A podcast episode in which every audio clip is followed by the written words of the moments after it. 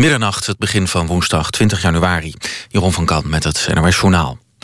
Het kabinet heeft een prognose dat er dit jaar 90.000 asielzoekers naar Nederland komen na zich neergelegd. Dat melden bronnen aan Nieuwsuur.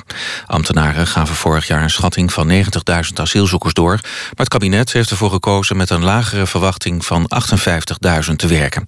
Volgens de bronnen van Nieuwsuur had het kabinet daar politieke redenen voor. Vooral de VVD vond 90.000 een onaanvaardbaar hoog getal. Schoenenketen Scapino maakt een doorstart. De nieuwe eigenaar is schoenenketen Zinks... die zo'n 70 winkels heeft in Nederland. Scapino heeft op dit moment ongeveer 200 winkels. Het merendeel van de winkels blijft waarschijnlijk open. De autoriteit Consumentenmarkt, het ACM... heeft in een spoedzitting voorlopige toestemming gegeven voor de overname. Volgens de ACM heeft Zinks aannemelijk gemaakt... dat er haast is bij de doorstart. Onder meer om de voorraden op peil te kunnen houden. Drie verdachten van de terreuraanvallen in Burkina Faso afgelopen vrijdag zijn nog voortvluchtig. Volgens de Franse premier Valls waren er in totaal zes terroristen. Drie van hen zijn doodgeschoten bij de bevrijdingsactie in het hotel in de hoofdstad Ouagadougou. Drie andere daders zijn dus ontkomen. Bij de aanslag op een café en de daaropvolgende gijzeling zijn dertig mensen omgekomen, onder wie één Nederlander. In Rome is de Italiaanse filmregisseur Ettore Scola overleden. In Nederland was hij vooral bekend van de film Una giornata particolare... met een hoofdrollen Marcello Mastroianni en Sofia Loren. De Italiaanse krant La Repubblica schrijft dat met Scola... de laatste grootmeester van de Italiaanse cinema is heen gegaan. Scola maakte tussen 1964 en 2013 tientallen films... waarvan Brutti, Sporchi e Cattivi, La Famiglia en Una giornata particolare de bekendste zijn. Scola is 84 jaar geworden. Het weer bewolkt en op de meeste plaatsen droog. Een enkele winterse bui kan lokaal tot gladheid leiden. Komende nacht gaat het 2 tot 6 graden vriezen en kan het mistig worden. Morgen lost de mist op en breekt de zon weer door. Af en toe een winterse bui met temperaturen net boven het vriespunt. Dit was het NOS Journaal. NPO Radio 1. VPRO. Nooit meer slapen.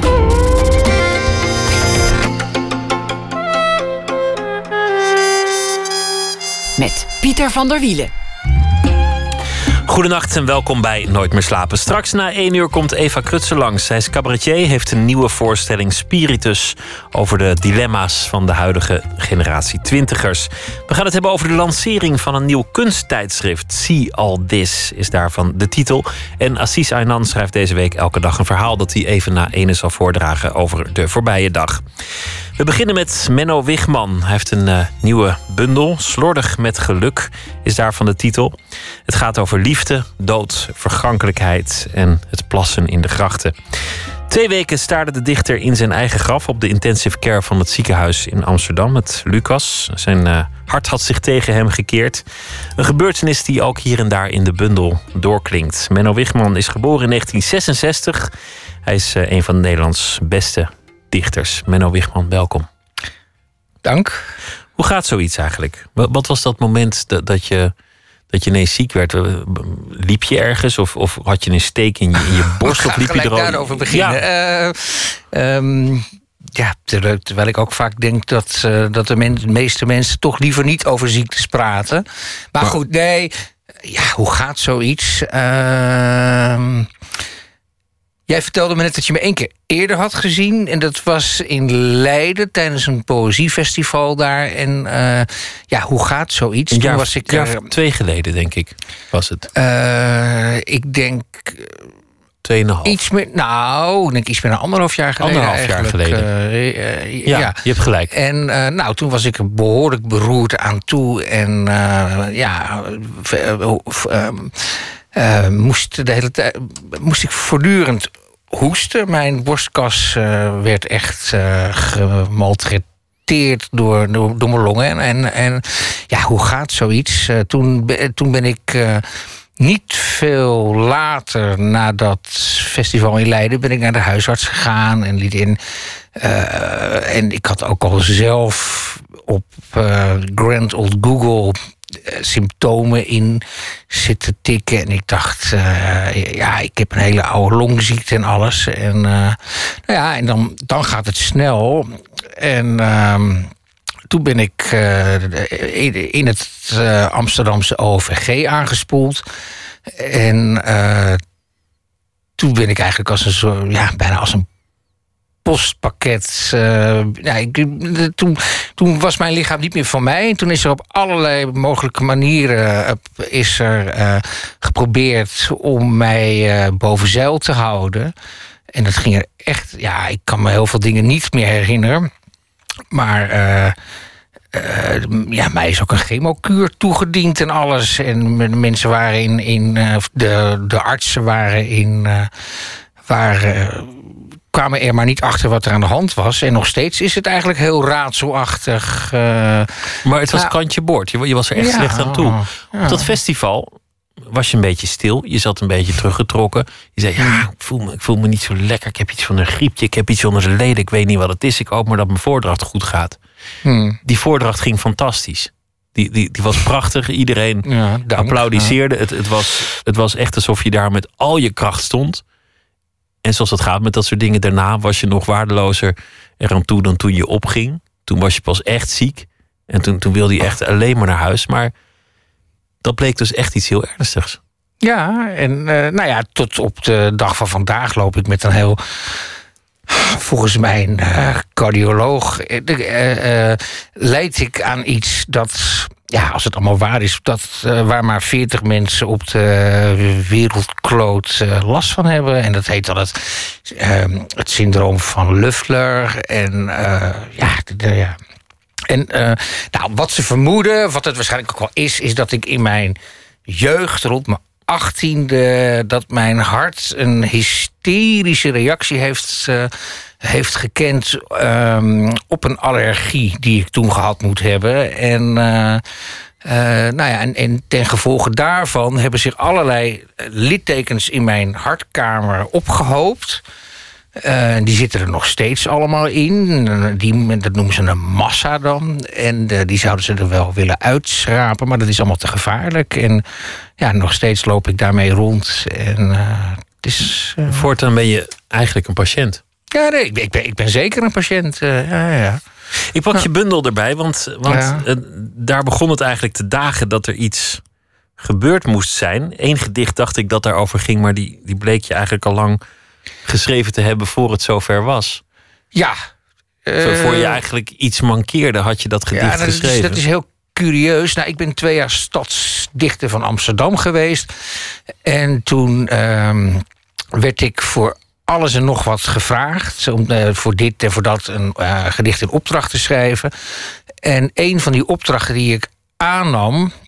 Uh, was een opdracht voor het, het Lucas Andreas ziekenhuis. En daar heb ik toen een gedicht voor geschreven.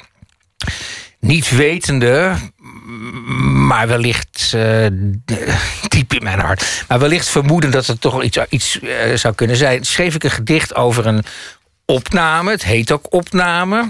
En ehm, zoals ik zag een documentaire over de Duitse schilder Gerhard Richter. En hij zegt ergens: Mijn, mijn schilderijen weten meer dan ik. En dat denk ik nu eigenlijk ook over dat gedicht dat ik toen schreef. Uh, zal ik het voorlezen? Ja, wellicht ja? is dat een goed idee. Ja. Wat dus echt merkwaardig gewijs geschreven is voor, voor de hele uh, affaire ja, en je is, verblijf. Nee, het is heel merkwaardig. Uh, goed. Opname. Het kan je overkomen in een pashok. Je pakt een jas, trekt weg en zakt ineen. Het kan gebeuren bij een zebrapad of in een kassarij, bij tastbaar licht of s'nachts wanneer je op een foto klikt. De dag zal komen, niet meteen, niet nu, maar plotseling is daar het kale uur. De wereld kantelt en de film begint. Een veld vol varend, golvend licht. Je hoort je moeders stem en zweeft en valt en stikt. En nu je lichaam in het Lucas ligt, komt traag en zwaar een zon op in je hoofd. Het daagt, je hart heeft moeten hoesten. Even, heel even, viel de stroom uit in je bast. Je ligt en wacht.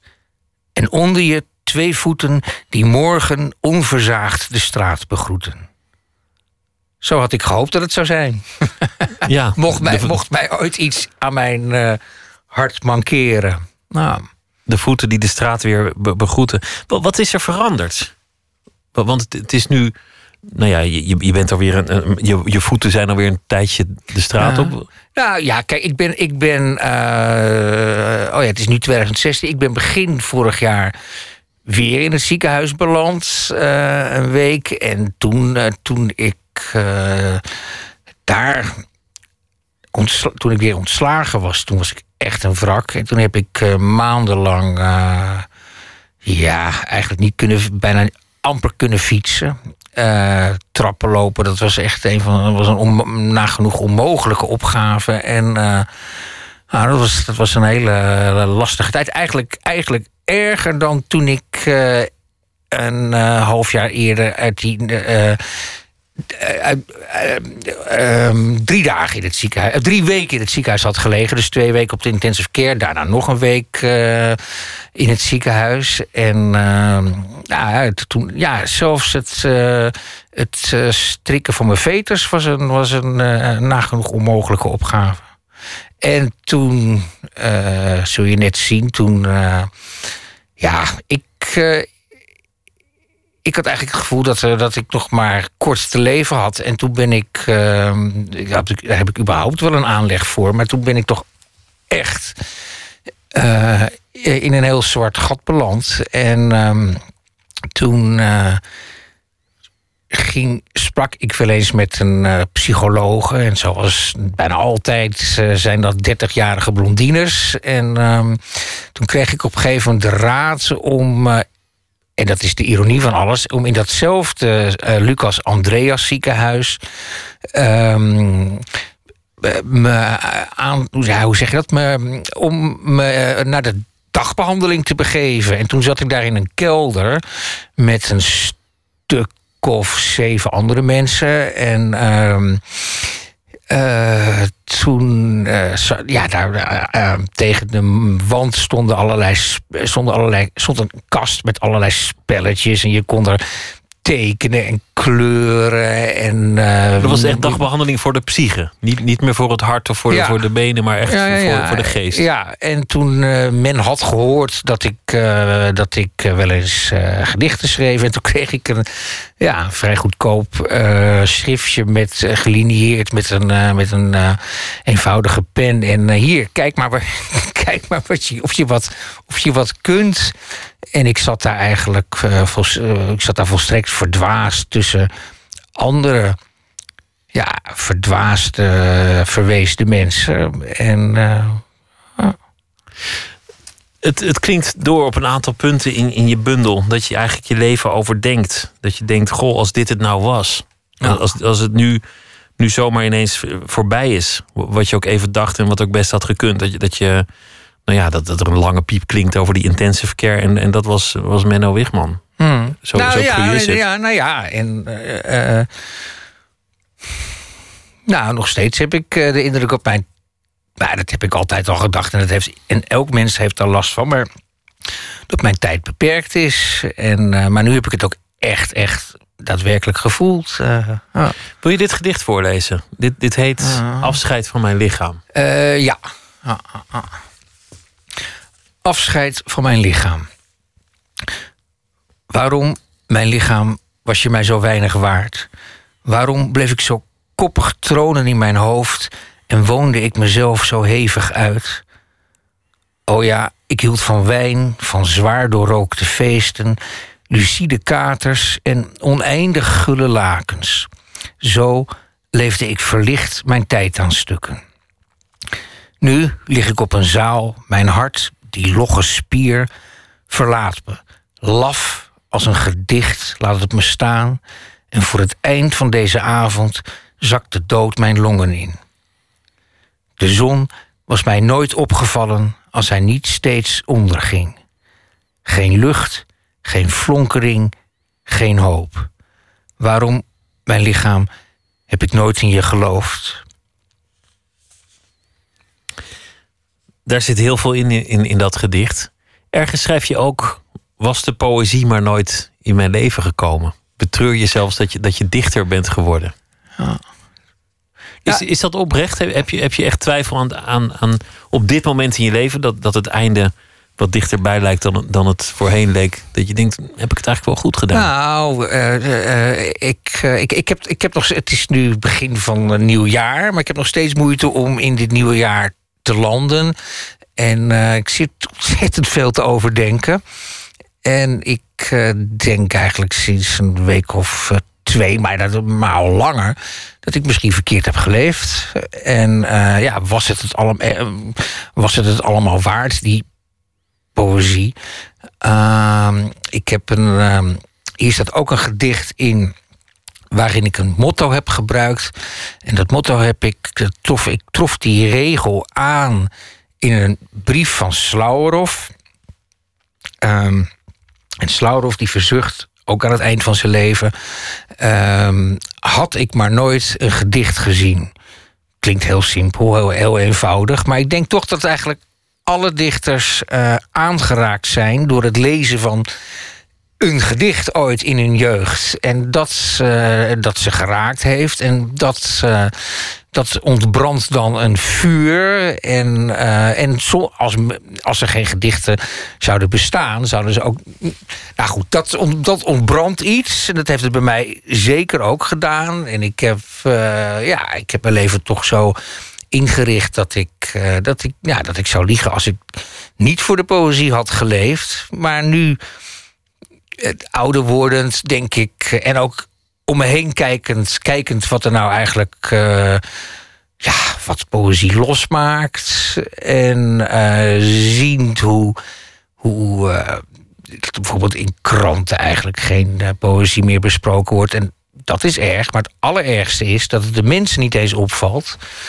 En dan denk ik, ja, is het allemaal waard geweest? Maar het heeft je toch ook een, een, een plek op de wereld gegeven? Als, als jij nooit. De, ik bedoel, misschien is je tijd voor je nog beperkt, maar dan, hmm. dan is het eigenlijk vreemd en, en ook wel verklaarbaar hoor. Maar dat je, dat je om gaat hmm. kijken. Maar wat als je leraar Nederlands was geworden? Of je was, was drummer in een hmm. punkbandje gebleven? Of, je, of je had een, een nette kantoorbaan. Nou, ik weet, kijk, nou, ik weet, ik weet ook, er zijn onwaarschijnlijk veel uh, mensen die gedichten schrijven. En uh, natuurlijk is het ook niet zo moeilijk om een aantal gedichten onder elkaar te parkeren. En, en, en dat ik ooit was aangeraakt door de poëzie, dat, dat geldt zeker niet alleen voor mij, maar voor heel veel mensen. En, uh, maar ik zie toch dat het, uh, dat het ook veel. Um, dat dat heilig vuur dat je zo rond je 16e, 18e hebt. Dat dat ook heel veel mensen uh, ongelukkig heeft gemaakt. Er is heel veel. Er is, ik, ja, ik ben er nu meer op gebrand. Maar ik zie toch dat er in dichtersland ja, dat er veel mensen met een ziel onder een arm, arm Het is een beetje een, en, maar goed, het is, het is een terugkerend hardnekkig cliché over de dichter. De man die s'nachts in kroegen hangt met, met ver, verwilderd uiterlijk. Mhm. Die, die aan hartepijn mm leidt. Die, die, die, het leven zwaar neemt. Die, die de rookt en drinkt en vrouwen verslijt en alles voor de poëzie. Was, dat, was dat dan toch stiekem jouw leven? Ja, stiekem, uh, nou, dat is toch wel, toch wel mijn, uh, mijn leven geweest eigenlijk, ja. Omdat je altijd ook, ook wel... Je hebt je altijd wel verzet tegen dat cliché. Uh, het ja, zat je altijd dwars. Ja, het zat je ook wel dwars, dat cliché ja. van de dichter.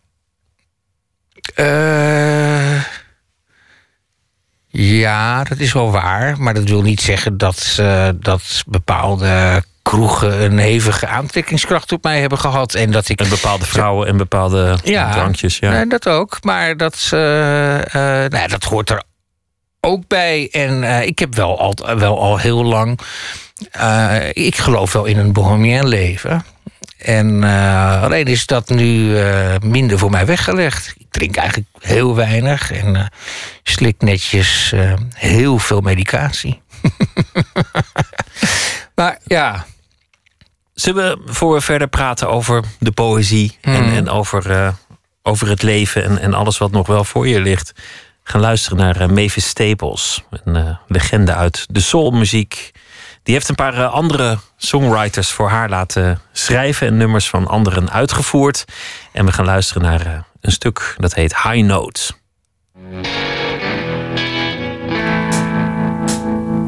There are all of those things you weren't supposed to do. Yes, and my, my, my, my, my, they were talking to you. There were all of those words that you shouldn't have said. Like a dagger thrown, carry weight of lead. Living on a high note, living on a high note, living on a high, note. Listen now that it's known, and the way it's been shown. Yes, and my, my, my, you have grown. Gather all of the rain and every ounce of pain. Wash the dirt and dust down the drain. It's living on a high note, living on a high note, living on a high, oh, high note. It's living on a high note, living on a high note, living on a high, high, high, high note. And if you gotta sing low, sometimes the way to go. Joe, Joe, he looked over at Dave. looked over at Dave. He was thinking he had. He was thinking, he was thinking he had it made. Dave Dave looked over at Paul. looked on over at Paul. He was thinking he had. He was thinking, boy, he had it all. Paul. Paul He looked over at Steve. Looked over at Steve. Who was steadily moving, Moving, toward moving what he believed. Yeah. Mm-hmm, mm-hmm. He was living on a high note, living on a high note. He was living on a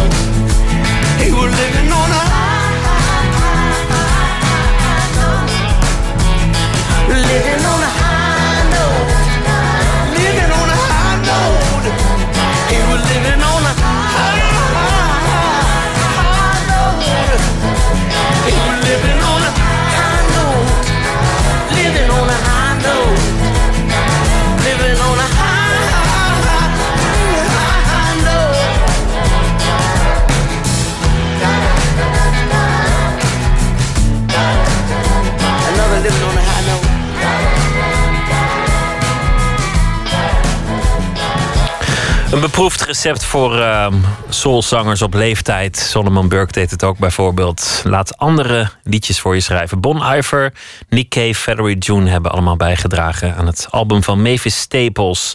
Dat eh, album heet Living on a High Note. Moet nog verschijnen, maar dit nummer konden we alvast laten horen. High Note. Nooit meer slapen in gesprek met Menno Wigman. Die heeft een eh, nieuwe bundel Slordig met geluk. We, hebben, we zijn aardig met de deur in huis gevallen over de medische toestand. En, en eh, het misschien wel minder tijd voor je hebben. Of in ieder geval een besef van sterfelijkheid hebben. En het omkijken en nadenken over je leven. En toen citeerde je Slauerhof. Wat als ik nooit een gedicht had gezien. 1966 ben je geboren. Dat betekent dat je een jonge man was. Begin jaren 80. De tijd van No Future. Ja. De tijd Ja. van de punk. De tijd dat, eh, dat er eigenlijk weinig reden was om vrolijk te zijn. En mensen het daarom toch maar probeerden. Wanneer, wanneer kwam dat gedicht eigenlijk op je pad en welk gedicht was dat? Eh, eh, eh, nou, het, je bedoelt het, ge- het gedicht als dat je je, zo- aanraakt. Dat Precies, je, je zei één gedicht, dat, dat is dan de vonk Oh, die nou, alles aansteekt. Maar je bedoelt welk gedicht dat... Ja, en hoe oud was je toen? En we- weet je nog wat dat was? Nou, ik heb een buitengewoon goede leraar Nederlands gehad. Eh, Lex ter Braak. En hij, wat hij had gedaan... Hij had een eh, stuk of dertig exemplaren eh, aangeschaft... van de beroemde poëziebloemlezing van Gerard Komrij. En die deelde hij dan in de, tijdens de laatste, het laatste kwartier van de lessen uit. En dan moest je daarin eh, lezen. En dan was het de bedoeling om een, Was, dat was de eerste opgave, herinner ik me nog, om een, om een slecht gedicht ehm, uit te kiezen. En, eh, en mijn eh, ogen waren gevallen op een. eh, ja, echt een vermomd oud 19e eeuws gedicht. En toen kreeg ik de beurt. En dan was het de bedoeling dat je het gedicht hardop voorlas. En toen gebeurde er iets merkwaardigs. Terwijl ik dat. ehm, ja, dat, dat volstrekt achterhaalde gedicht hardop voorlas. Merkte ik dat het eigenlijk veel beter eh, in elkaar zat dan ik eh, had, had kunnen bevroeden. En dat er een. eh, nou, het was in, in een vast metrum geschreven en het rijm klopte. En, maar dat, wordt, dat soort dingen worden eigenlijk pas duidelijk als je het hardop voorleest. En toen. Ik wil echt niet zeggen dat ik toen voor de poëzie ge- gewonnen ben. Maar toen dacht ik wel opeens: Goh, er is hier iets heel merkwaardigs aan de hand. Eh, dit is, deze eh, eh, volstrekt versleten taal heeft ook iets bezwerends. En, en toen ben ik gaandeweg meer en meer en meer poëzie gaan lezen. En ja, ik heb, ik heb echt onwaarschijnlijk veel gelezen in die tijd. En ehm, eh, ja, toen zag ik wel dat, dat, dat, dat, dat het. En dat vind nog steeds eigenlijk het meest, het meest belangrijke: dat poëzie iets bezwerends kan hebben. Alleen vond ik dat niet zo snel in de Nederlandstalige poëzie. Maar ik eh, ontdekte ook eh, Duitse dichters als Georg Trakl en de Rielke. En, eh, ja, en ook eh, de grote Franse 19e-eeuwse dichters kwamen ook op mijn Kon ik ook niet gelijk allemaal lezen, maar... Baudelaire en Ja. Rimbaud. Ja, nou ja, maar ik was daar zo benieuwd naar dat ik eh, met een woordenboek in de hand eh, dat ging vertalen. En, eh, Maar je was Zo- ook, je was ook van, van, van de punk. Dat is dan nou, vermoedelijk nou ja, dat is iets later. Ja, nou ja, maar. Maar als tiener. Je, je, je Ja. drumde in een bandje. Alles was no future. ja. Schoppen tegen het systeem, schoppen tegen de generatie voor je. Had poëzie datzelfde? Was poëzie voor jou ook punk of ook een manier om je af te zetten? Nou, kijk, toen ik begon te schrijven, toen, eh, toen schreef ik. eh, toen had ik een eigen punkblaadje, dat heette Oorpijn. Haha, dat was dan een verwijzing tegen het beroemde tijdschrift Oor. En, dat, eh, en daar, schreef ik ook wel eens wat gedichten. eh, die stonden er ook wel in. Maar toen was, ik nog niet zo duidelijk. eh, toen, toen was het niet zo dat ik poëzie echt zag als een, ge- als een uitstekend verweer tegen alles wat me dwars zat in de, eh, eh, in de wereld. Eh, en nog steeds eh, niet. Maar wat was de vraag ook? Of, of, of, of dat met elkaar te. Ja, of ik. eh, nou, maar kijk. Wat was dan- poëzie een stok om mee te slaan? eh, nou, dat, dat, dat, dat miste ik wel, in, wel eens in de Nederlandstalige poëzie. Maar wat ik dan zo, wat ik dan zo las en begreep van die eh Franstalige dichters... Dat, eh, en ook, eh, ook eh, expressionisten... eh, nou, hè, eh, eh, 1910, 20 uit Duitsland... Was, dat wa daar waren wel toch echt heftige gedichten te bespeuren... En ehm, Want dat, dat is Ja. vaak de kritiek op, op de dichters. Of, of dat terechte kritiek is of niet. Maar poëzie moet gevaarlijk zijn. Poëzie moet de revolutie kunnen ontvlammen. Of mensen hun leven kunnen veranderen. Of chockeren of pijn doen. Het, het moet nooit muzak worden die, je- die je voordraagt eh, op een speciale gelegenheid. Ja, nou ja, dat, is, dat, ja, dat heb ik altijd een, wat eh, onmogelijke opgave gevonden. Omdat eh, nou, bijvoorbeeld, ik wou zeggen, kijk ik om me heen. Maar het is me alles eerder opgevallen. Ik heb nog nooit in, een, in de openbare ruimte iemand een dichtbundel zien lezen. En als poëzie dan daadwerkelijk gevaarlijk zou zijn, dan zouden mensen dichtbundels eh, ziek en onthutst ehm, en eh, ehm, bijna alsof ze persoonlijk beledigd zijn van zich af moeten werpen. Maar dat, dat gebeurt natuurlijk niet. eh, en dat, zou, dat, zou, dat zou wel mooi zijn, maar dat is een, onmogelijk, dat is een onmogelijke opgave. De mensen die erdoor gechoqueerd zouden raken, die lezen het niet. Nee, en het is ook vaak dat het, dat het een bepaalde. ja, dat, je, dat, je, dat je geacht bent een bepaalde leesverwachting te hebben. En die zou de dichter dan moeten doorkruisen. Maar de meeste mensen hebben helemaal geen, eh, geen eh, ver- leesverwachting. Of die. Ja, ik vind het wel een wat onzinnig eh, eis. Maar daarin klinkt ook door, wat je net Ja. eigenlijk ook zei, dat, dat je je je hele loopbaan hebt afgevraagd van goh, ik, ik, ik leef dag en nacht voor de poëzie. Mijn hele leven staat in teken van, van gedichten. Doet het er eigenlijk wat toe? Voor wie doe ik dit nou eigenlijk? Ja, nee, dat is een vraag die ik me al heel lang stel, ja. Want een, een Ah. bundel, oké, je, je zult er geen 10.000 van verkopen. Vermoedelijk. Nou, geen 100.000 in nou, ieder geval. kan ik wel tot mijn trots zeggen dat mijn vorige bundel hoorde ik vandaag van de uitgever dat het eh, toch rond de 5000 exemplaren zijn geweest. Nou, da- daar mocht ik me toch wel eh, gelukkig mee prijzen. Maar ja, goed, wat zijn 5000 exemplaren? Nou ja, wat zijn cijfers in deze? Kun je Ja. ook afvragen. Ja, maar, Moet je je eh, relevantie uit verkoopcijfers ja, halen? maar als ik naar de literatuur kijk, of wat er nog over is van de literatuur, gaat alles om cijfers, eh, om verkoopcijfers in deze. Ja, Maar het gaat toch om, om voortleven?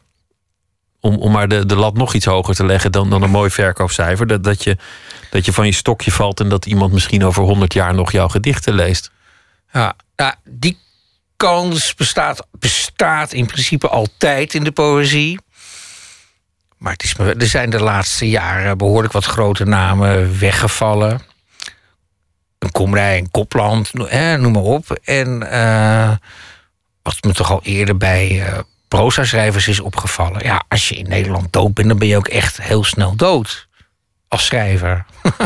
Ja, literatuur leeft niet kijk, vaak maar er, zijn, maar er zijn sommige gedichten die zijn onverwoestbaar. En daar gaat het om. En, eh, Het maar gaat gewoon nog- om de poëzie zelf. Dat, dat Ja. ene Ja. mooie, perfecte gedicht. Laten we teruggaan naar Ja. wat je net zei. Want, want je zei dat je, dat je wegraakte van, van die dichters uit de 19e eeuw en begin 20e eeuw. En, en Hmm. dat, je, dat je wegraakte van Baudelaire en, en, en Rimbaud. En we hadden het ook over dat, dat dichtersleven. Wat uiteindelijk jouw Hmm. leven was. Hier het is nog best een labtekst trouwens, maar vooruit. Het Spleen de Paris van, van Baudelaire. Dit, dit is een heel bekend stuk, maar dit zegt het. Heb je zin om het voor te dragen of denk je, ach, donder toch op met dat stuk? Eh, nou, ik weet uit ervaring. Ja, ik heb dit ooit vertaald. En, eh, en ik weet uit ervaring dat dit gewoon een hele fijne tekst is om voor te dragen. Nou, ga je gang. maar dus, ehm, en het komt uit een bloemlezing die ik ooit heb, gema- heb gemaakt van Frans decadenten eind 19e eeuw. En die bloemlezing heette ook, net als dit gedicht, Wees altijd dronken. Wees altijd dronken. Dat is alles het enige wat ertoe doet. Om niet de helse last te voelen van de tijd die je schouders breekt en je naar de aarde drukt, moet je je onophoudelijk bedrinken. Maar waaraan? Aan wijn, aan poëzie of aan deugdzaamheid. Net wat je wilt. Maar bedrink je. En mocht je soms wakker worden op de trappen van een paleis, in het groene gras van een greppel, in de sombere eenzaamheid van je kamer, en merken dat de dronkenschap al verminderd of verdwenen is, vraag dan aan de wind, de golven, de sterren, de vogels en de klok, aan alles wat vliet, al wat zucht, al wat rolt, zingt of spreekt, vraag dan hoe laat het is. En de wind, de golven, de sterren, de vogels en de klok zullen je antwoorden: Het is tijd om dronken te worden. Bedrink je om geen gemartelde slaaf van de tijd te zijn. Bedrink je altijd maar weer. Aan wijn, aan poëzie of aan deugdzaamheid, net wat je wilt. Nou, dit is poëzie. Dit is poëzie en, en dit, dit is groots en meeslepend. En, en, eh, en die Baudelaire die is, die is al heel lang niet meer onder ons. Dit is waar het Ja. om gaat. Hoe, Ja. hoe lang ben je zelf aan, aan, het, aan, het, aan het rommelen met een gedicht? Hoe lang kan een regel jou bezighouden? En, en, en hoe gaat dat? Eh, in, in, in, deze bundel staat één gedicht dat ik in één dag schreef. En eh, zoiets komt eigenlijk heel weinig voor. eh, aan de meeste gedichten. ja, de, de tijd die het duurt voor de ingeving de eerste regel.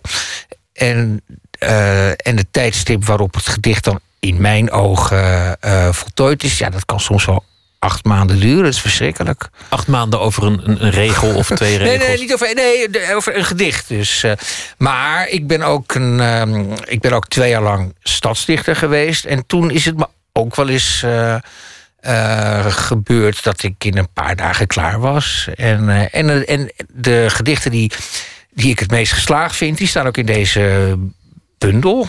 En, maar ik was ook een beetje, ik zat ook een beetje vals te spelen, want ik dacht, eh, ja. Eh, dan ben je stadsdichter en dan moet het voldoen aan een gelegenheid en alles. En eh, stiekem schreef ik, die, schreef ik die gedichten zo dat ze later in deze bundel opgenomen konden worden. En dat ze te lezen zouden kunnen zijn, of goed te lezen zouden kunnen zijn, zonder dat men de aanleiding eh, wist. Bijvoorbeeld over, over de mannen, want dat zijn er nogal Ja. wat op jaarbasis, die, die sterven terwijl ze in de gracht staan te pissen. Ja, dat, dat- dat, is dan een gedicht dat ik met, eh, met plezier opnam in deze eh, bundel. En, maar ik denk dat ik de helft van die gedichten die ik schreef niet heb opgenomen. Maar zal ik het voorlezen? Nou ja, oké, vooruit. nou ja, vooruit. Ja, leuk. Ehm, wacht even hoor. Eh, moet, ik- moet ik wel weten waar het... Want daar eh, heb je ook studie naar gemaakt, toch? Naar, naar hoeveel mensen er met hun gulp open eh, nou, worden een aangetroffen. eh, goede vriend van mij. ehm, eh, waar staat het gedicht? Ik denk dat ik erachter kom. Ja, een goede vriend van mij, Havid Bouwassa, die zei: Ja, jij bent eigenlijk een journalist onder de dichters. Beetje gechargeerd. Maar jij ehm, zit heel vaak onderzoek te doen naar een specifiek onderwerp. En, eh, en dat is ook echt zo. Dat, ehm, dus ik ging me echt verdiepen in het feit, eh, in het gegeven, dat er in drie jaar tijd ja, tenminste 51 mensen eh, overleden. ehm, door een val in, in een van de grachten in Amsterdam. Nou, als je het hebt over sterfelijkheid, hè, want jij Ja. dacht erover na op de intensive care van goh, dit, dit kan het zijn. Ja, op intensive care kon ik niet nadenken. Maar goed. eh, Dan, dan, dan is dit toch een veel tragischer dood. Dat, je, dat je dronken bent en dan denkt, nou, ik, ik moet heel nodig. Ach, die gracht die ligt er toch. En dat je dan over, over, voorover valt. Ja. En dan in die, in die toestand uit het water wordt het getakeld. gruw- gruwelijke van alles is dat de meeste van die eh, waterlijken, zoals de recherche ze noemt, die, die spoelen allemaal aan in het ei.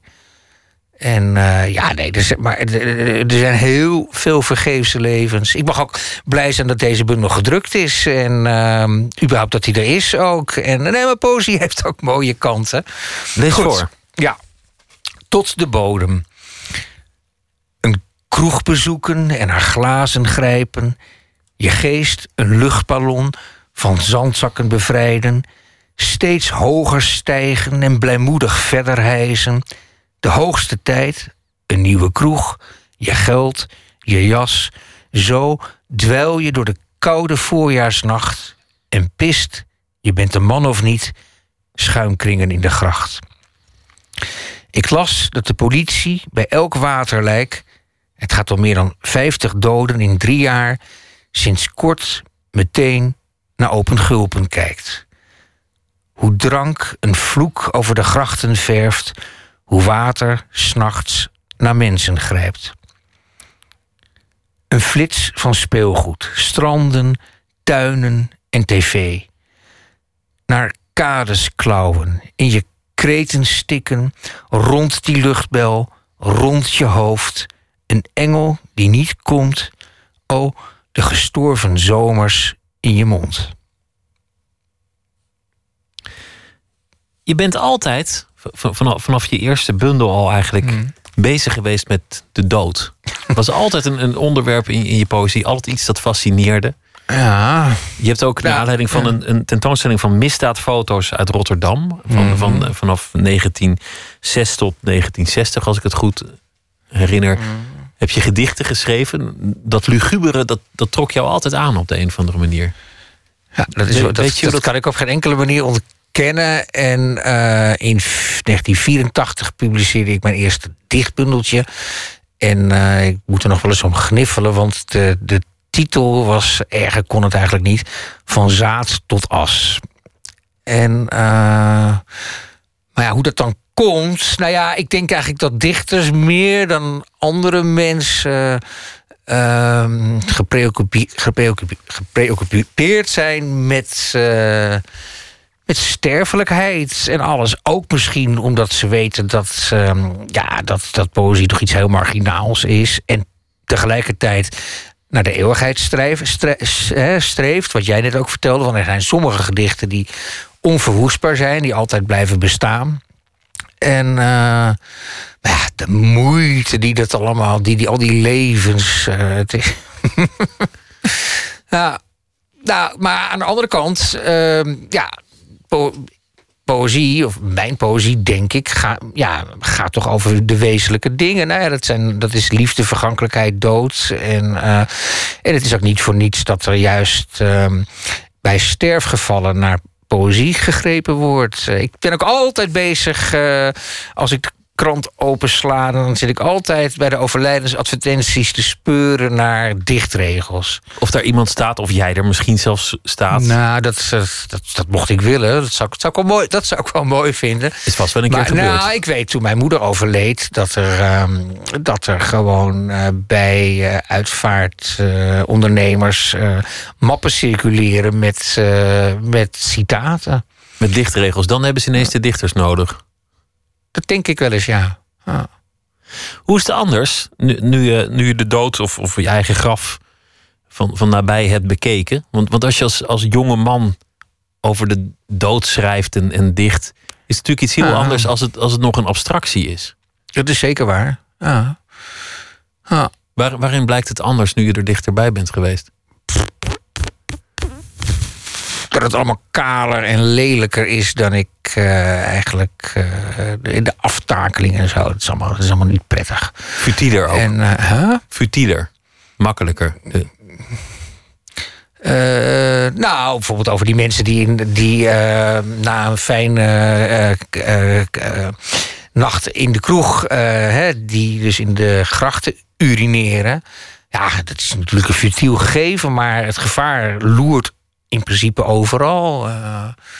Oh, nee, maar goed, ik heb ook mijn moeder zien aftakelen. En Het is, eh, ja, eh, het is allemaal. eh, het, is, eh, eh, het leidt allemaal tot tranen. je, je, bent er nog, je bent er nog lang niet klaar voor. Eh, nee, niet echt, denk ik. Ja. Nou, ik, ik, nou, ik, dat, ja, ik, heb ook momenten gehad dat ik eh, in het ziekenhuis lag en dat ik dacht van mijn god, laat het maar voorbij zijn. En ik heb ook eh, totaal eh, eh, bewusteloos dat ik, ook- dat het, eh, dat ik ook eh, dacht van dat het niet eens meer uitmaakte of het voorbij kon zijn. En gewoon verdoofd door medicijnen en alles. En Een pijn natuurlijk ook. pijn, ja. De Ja. liefde, een ander onderwerp, komt ook in deze bundel een aantal keer Mhm. voorbij. Het, het project dat ik net noemde van, van de misdaadfoto's ehm, die je in poëzie had omgezet, dat was een project samen met je geliefde. Dat, dat schreef je in de inleiding, dat jullie samen waren. Ben je nu alleen? Nou, ik kan er wel om lachen. Maar eh, nou, Gerard Reven schrijft ergens in zijn brieven... een zieke vriend kan ik altijd krijgen. En ja, dus daar, daar denk ik wel eens over na, voor die uitspraak. En eh, Want het is ook eenzaam om ziek te zijn. Vind ik wel. Ik ben ook eh, ik ben behoorlijk wat mensen kwijtgeraakt ook. eh. maar ik ben ook ten. Ja, dat, dat, dat, ik denk dat dat, dat, dat patroon al langer, dat dat al langer aanwezig was. Maar ik ben ook, eh, afgezien van dat ik heel... dat ik onwaarschijnlijk neerslachtig was... ben ik ook een, maand of drie, drieënhalf uh, manisch geweest. eh hypomaan. En eh, nou, dan maak je geen vrienden. Dan ben je te moeilijk om mee samen te leven, dan lukt dat gewoon niet. Eh, ja, heel ongedurig. En wat ik toen dacht van... ehm, een oude vriend van mij, ja, die kampt altijd met zwaarmoedigheid. En ik dacht, mijn god, wat is dat sloom. Een beetje neerslachtig eh, bij de pakken neer te zetten. En eh, ja, ik had, ik had eigenlijk nergens geduld mee. En eh, ehm, een, ehm, een dichter die ik erg bewonder, maar ook als eh, mens heb leren kennen. Eh, de Leidse psychiater Frank Koenengracht zei toen een keer tegen mij... want ik belde hem wel eens op om raad te vragen. Hij zei, je moet al je invallen noteren. En ehm, nou, dat, eh, dat heb ik ook gedaan. Eh, ja, je weet nooit wat het oplevert, maar... ehm, nee, ik ben een tijd behoorlijk onmo- onmogelijk geweest. eh. Ah. Je hebt als eh, gedicht in, in, in de staat die je nu omschrijft, of, of daarover. Dan, dan, dan ging het over de, de Xeroxat en, en eh, de, de perikelen die daarbij kwamen kijken. Je hebt ook wel eens gedicht in, in een staat van euforische verliefdheid. Mhm. Dat, dat, dat, dat, je, dat, je, dat je echt prachtige poëzie schreef, om, omdat nou ja, dat je gewoon knetter verliefd was. Ben je eigenlijk onderweg je grote liefde al verloren? Is dat een gevoel dat je wel eens hebt van: Goh, ik, ik, ik heb die liefde gekend, maar, maar hij is me ontvallen? Ik heb heel veel vriendinnen gehad, eigenlijk. Eh, ik heb behoorlijk lopen sletten. eh, eh. Want dat is de titel Maar- van, ja, van de bundel. ja, slordig ja, slordig met geluk. Ja. Ik had het, maar ik kijk, ging er kijk, slordig mee behalve om. dat mijn hart verla mij heeft verlaten. ja, ik heb gewoon een beetje het idee dat ik, dat ik met lege handen sta. En lastig op touw nu te zeggen, maar met mijn rug tegen de muur. Ik weet het gewoon niet goed meer. Wat je, wat je moet met, met dit bestaan. Nee, ja, er komen zelfs eh, gedachten in mij op van mijn god. eh, eh, had ik hem maar voortgeplant? Was ik maar getrouwd en allemaal dat soort dingen? want ja, nou, Was, dat, was ik maar onderweg op een of andere trein gesprongen, zodat ik nu op een ander punt was. Ja, misschien wel. Ja. Wat, wat was het? Want, want ik, vind, ik vind die zin intrigerend mooi, slordig met geluk. Dank. Ja. Nou, Want, want ja, dat is hoe het is. Je, je- je hebt liefdes en, en, en je laat ze gaan, of, of ze gaan, of, of dat is hoe het loopt. En pas, pas later denk je ineens, ik, ik zou ze nu allemaal nog om me heen willen hebben. Of misschien die ene om me heen willen hebben. allemaal zou wel erg druk zijn. maar, druk. Ja, nee, maar goed. Ja, nee, dat, eh, nee, dingen zijn mij ontglipt. En eh, ook doordat ik eh, ah, met, dat, met dat, gedichten bezig... hè, er Dat dat, dat, dat ja, bovenaan de, de, stond. de, de moeite altijd om, eh, om ehm, samen te zijn. En, en het probleem van, van schrijven is toch, dat is toch eigenlijk het enige echte probleem. Ja, dat je je moet afzonderen van de wereld, van de mensen, ten einde iets uit je handen te laten komen. En dat, dat heb ik altijd heel moeilijk gevonden. En eh, dat is wat ik ook een beetje denk bij Slordig met Geluk. Van eh, ja, wat, nou ja, het is me niet slecht vergaan als dichter. Maar ja, ja lastig. En, en die tweespalt tussen, tussen, eh, ja, tussen het echte leven en, en, dan. Weet je, ja, dagenlang met, eh, met woordvarianten bezig zijn. Mijn god, dat- waarom, waartoe? Was dat niet te combineren geweest? Had je, had je niet, niet van negen tot half zes kunnen, kunnen dichten in, een- in een daartoe afgehoor, eh, afgehuurde kantoorruimte of, of zolderkamer?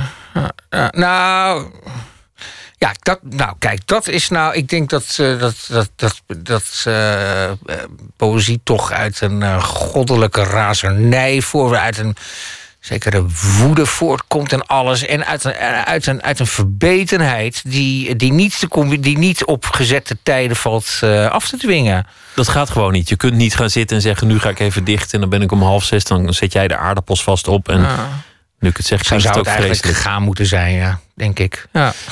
Waar je, waar je een Ja. beetje om vraagt. Want, want, want dat gedicht van Baudelaire, hoe, hoe prachtig het ook is. Hmm. Die, die, die, enorme romantiek. Wees altijd dronken. En dan niet Hmm. letterlijk van, van wees de hele dag lam, want dat gebeurt al genoeg. Maar leef in een soort euforische roes. Mhm. De keerzijde, die, die ontmoet je nu. Dat, dat, het, Mhm. dat het een makkelijk verzoek is, maar dat het in praktijk veel gevraagd is. Ja, nee, dat is waar. Ja, wat moet ik daarop zeggen? Nee, maar dat is. Dat is eh, Nou ja, ik vind het interessant dat, dat je, dat je in een soort. Ook in een soort roes kijk, wat- keuze je, maakt. ik, ik heb ook, ik heb ook eh, daar wil ik nog wel eens een stuk over schrijven. Dat dan zou heten doping voor dichters. Maar ik ben ook, eh, ik ben altijd eh, geïnteresseerd geweest in, ehm, in achterweggetjes tot het schrijven van poëzie. Eh, dus verdovende middelen en, en, en, en op de middelbare school al. En dan. Ja, wat, wat levert nou inspiratie op? En dan ook een pen en papier erbij hebben en alles. En ehm, ja, dat soort dingen zijn me ook een beetje. Hè, ik, moet, ik moet eigenlijk wat, wat voorzichtiger. eh, Ik moet gewoon voorzichtiger leven. Maar dingen als alles wat met roes en poëzie te maken heeft, dat heeft me altijd gefascineerd. Eh, En nu moet je het zonder doen. ah, nee, is lastig. Toch ook, nou, het is ook wel interessant. Maar ik leef, heel- ik leef bijvoorbeeld, ik heb, ik heb onwaarschijnlijk eh, lang. eh, ik heb heel erg veel eh, 's s'nachts geleefd. Omdat ik ook dacht, dan ben ik afgezonderd van alles en iedereen en noem maar op. En eh, ja, dat doe ik nu ook niet meer. En ik moet je wel zeggen, eh, dat, dat waar ik altijd al zo bang voor was. Ik vind het, het, het, nuchtere leven overdag wel erg zwaar soms. En als ik dan een teleurstelling krijg, dan komen ze ook wel heel erg hard aan. Ik vind het eigenlijk, ja, ik vind het. eh, Maar is dat ook niet een beetje kokette romantiek eigenlijk? Ja, S'nachts willen leven Ja, en, en, en met drugs willen doen. Is het ook niet een soort, maar soort alle- beeld waar je aan vast hebt gehouden... wat je misschien helemaal niet meer nodig hebt? ah, Suggestie, hè? Dat is- ja. Ja, zoals David Bowie opeens ontdekte van... hé, hey, ik kan ook eh, nummers schrijven, ik kan ook muziek schrijven... zonder eh, drugs te gebruiken. Ja. Nee, goed, het, het, het, eh, het moet mogelijk zijn. Ik bedoel, een behoorlijk eh, wat, gedichten in deze bundel... zijn natuurlijk ook eh, Op jus d'orange geschreven. Ja. op Jurans geschreven. Ja. Ben je boos? Want, want, want je- want je- Beetje, ja, nee, ja, goed. Maar ja, ik, ik denk altijd dat ik, dat ik uit woede op de wereld heb gedicht. Ah. Nou, wat je net zei, van een, een, een, zieke man heeft weinig vrienden. Ieder, iedereen was er vandoor. Net toen ik ze nodig had, waren ze er niet meer. Dat, dat, Ja. dat, dat is een grote teleurstelling. Dat, bedoel, Ja, dat, dat is een kater. Ja. ja. Ja, maar goed, zo in, het in het dierenrijk worden, worden zieke dieren ook snel in de steek gelaten. eh, toch? Ja, als een van de katten ziek is, dan rennen de anderen er vandoor en denken... oeh, daar wil je Ja. niet zijn. Straks is het besmettelijk. Ja, en het is voor anderen misschien ook wel een eh, manier om jezelf eh, ja, door te blijven leven. Dat is toch. eh, ja. Maar die woede heb je ook nodig om goed te dichten. Ook, ook daar weer. ja, dat ook. Dat is ook weer je koestert het ook. Ja. Nou, kijk, als ik, als, ik, als ik een volstrekt tevreden mens was geweest, waarom, had ik, waarom zou ik dan überhaupt me in zoveel bochten wringen om er een gedicht uit te kunnen krijgen? Mijn god, er zijn wel wat, wat, wat, wat, wat prettiger dingen te verzinnen. Ja. Maar ik moet niet, ik moet niet ontkennen dat eh, de euforie. Als eenmaal de laatste regel er staat, die is, eh, ja, dat, dat is eigenlijk met niets te vergelijken. Dat, eh, ja. Daar gaat het eigenlijk om. Daar Daar, gaat daar het ging het eigenlijk om. om. Ja. Dat ene gedicht dat staat en, en blijft.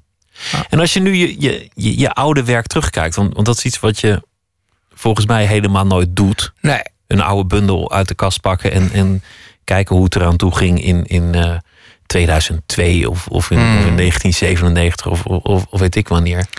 Zou, zou je dan tevreden zijn met dat gedicht? Staat het nog? Zou je misschien overvallen zijn zelfs door, door de schoonheid van je eigen werk? Ik denk wel dat ik heel erg, dat ik mezelf heel erg heb gegeven. En ik, nou, ik lees, ik kom wel eens een gedicht, gedicht van mezelf tegen als het bijvoorbeeld in een bloemlezing staat en zo. Ja, ik heb mijn best gedaan. En je zult je best nog doen, want het is toch Mm. nog niet voorbij? Of, Ah. of is dat wel de, de staat waarin je nu echt leeft? Nou, ik moet, ik moet, ik moet heel erg oppassen en alles. En een bloedproppen die naar mijn hersenen kan, kan, kan schieten en alles. Dat, dat behoort allerlei tot, eh, allemaal tot de mogelijkheden. Ah, ja, goed. En, en, en ja. Ik heb het best gedaan. Ineens komt ook de herinnering terug aan je vader in, in deze bundel. Ja. Je, je, je dode vader die soms ja. verschijnt voor je. Is dat iets wat je, wat je voor, ik noem het het ongeval, maar, maar voor je ziekte ook had? Dat ik veel aan hem dacht. Dat hij ineens eh, terugkwam of dat hij ineens om, om je heen was of dat je, dat je hem ineens?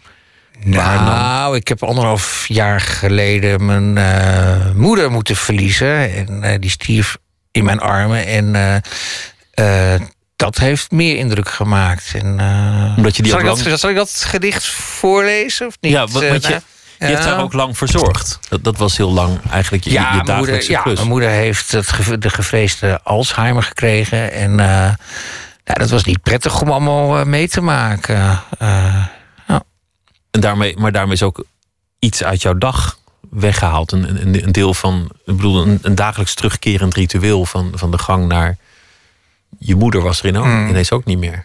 ja, nou, ik heb haar niet dagelijks bezocht. Maar Wel vaak. ja, en zij bezoekt mij nu veel. En eh, ik, ik, ik denk, maar dat schijnt ook vaker voor te komen. Ik denk elke dag wel een stuk of eh, vijf keer. Ik moet, moeder ik moet mijn moeder nog even bellen. En eh, ik ben bang dat het alleen maar erger wordt. Draag dat gedicht voor Ja, als je wil. Nou ja, dat is. ehm, even kijken hoor. Ja. En het gedicht heet Avonden waren er. Mijn moeder, die zich mooi maakt voor een feest. En ik, die op haar bed zit toe te kijken. Drie spiegels had haar kaptafel en drie keer mooier zou ze lijken. Vroeg ze mij of ik haar avondjurk dicht wilde rijgen, dan sprong ik op en deed volleerd mijn plicht. Van alle vrouwen van wie ik zou houden, was niemand nog in zicht. Ik zag alleen mijn moeder, die haar spiegel in verdween, en later in een waas van rook en wijn weer aan mijn bed verscheen. Herfst, winter, herfst. De tijd verrichtte al die tijd zijn werk en at haar leeg, o, niet om aan te zien. Maar er kwam nog een feest. Ze was er niet voor uitgenodigd. Hoop speelde geen rol. Alles was er, alles voor altijd. Een gedicht over je moeder. Dank je wel dat je te gast wilde zijn. En eh, dank voor alles wat je, wat je hebt verteld. En, en voor je poëzie. En heel veel gezondheid wens ik je Ja, ook toe. nee, dank je En, wel. en, eh, en Dat- heel veel poëzie. En eh, Ja. heel veel geluk. We gaan luisteren naar een eh, artiest uit Noorwegen. Hij heet Sievert Heuyem. Hij zat ooit in Madrugada. En we gaan luisteren naar een stuk van zijn derde album, Lioness. En dat heet Sleepwalking Man. love the ocean too. How it's painted green and blue. My dreams of you. Oh, wake me now, oh, wake me now. We're better when we're fast asleep. When you rise me from my fragrant sheets, it's that innocence I want to keep. Oh, oh, eh, now. Find me sleeping on my feet. Most delightful man you'll ever meet. And there's nothing that compares to him. To your own sleepwalking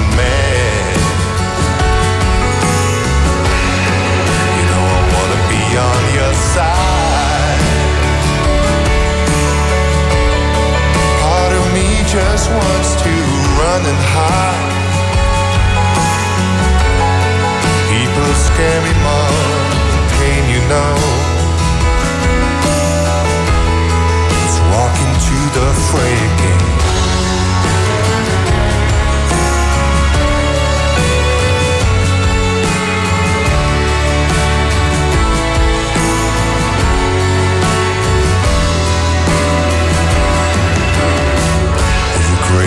Your presence here In your room of tiny light Beyond the reach of everything In the sanctuary of the night. I'd rather be a sleepwalking man. I want no power or command Over people I never understand. Oh, wake me now, oh, wake me now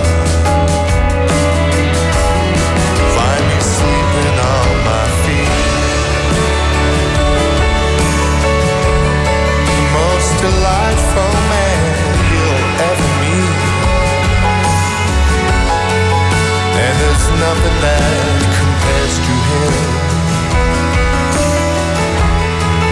to your own sleepwalking man.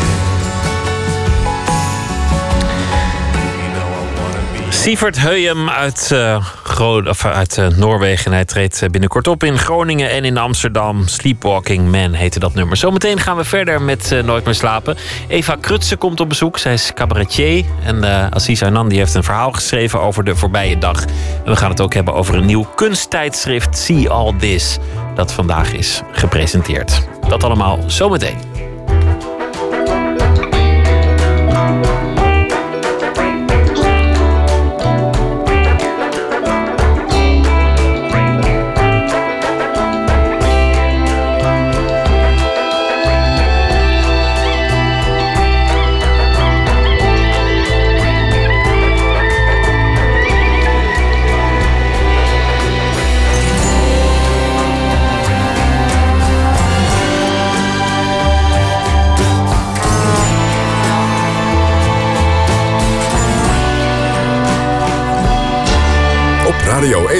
Het nieuws van alle kanten.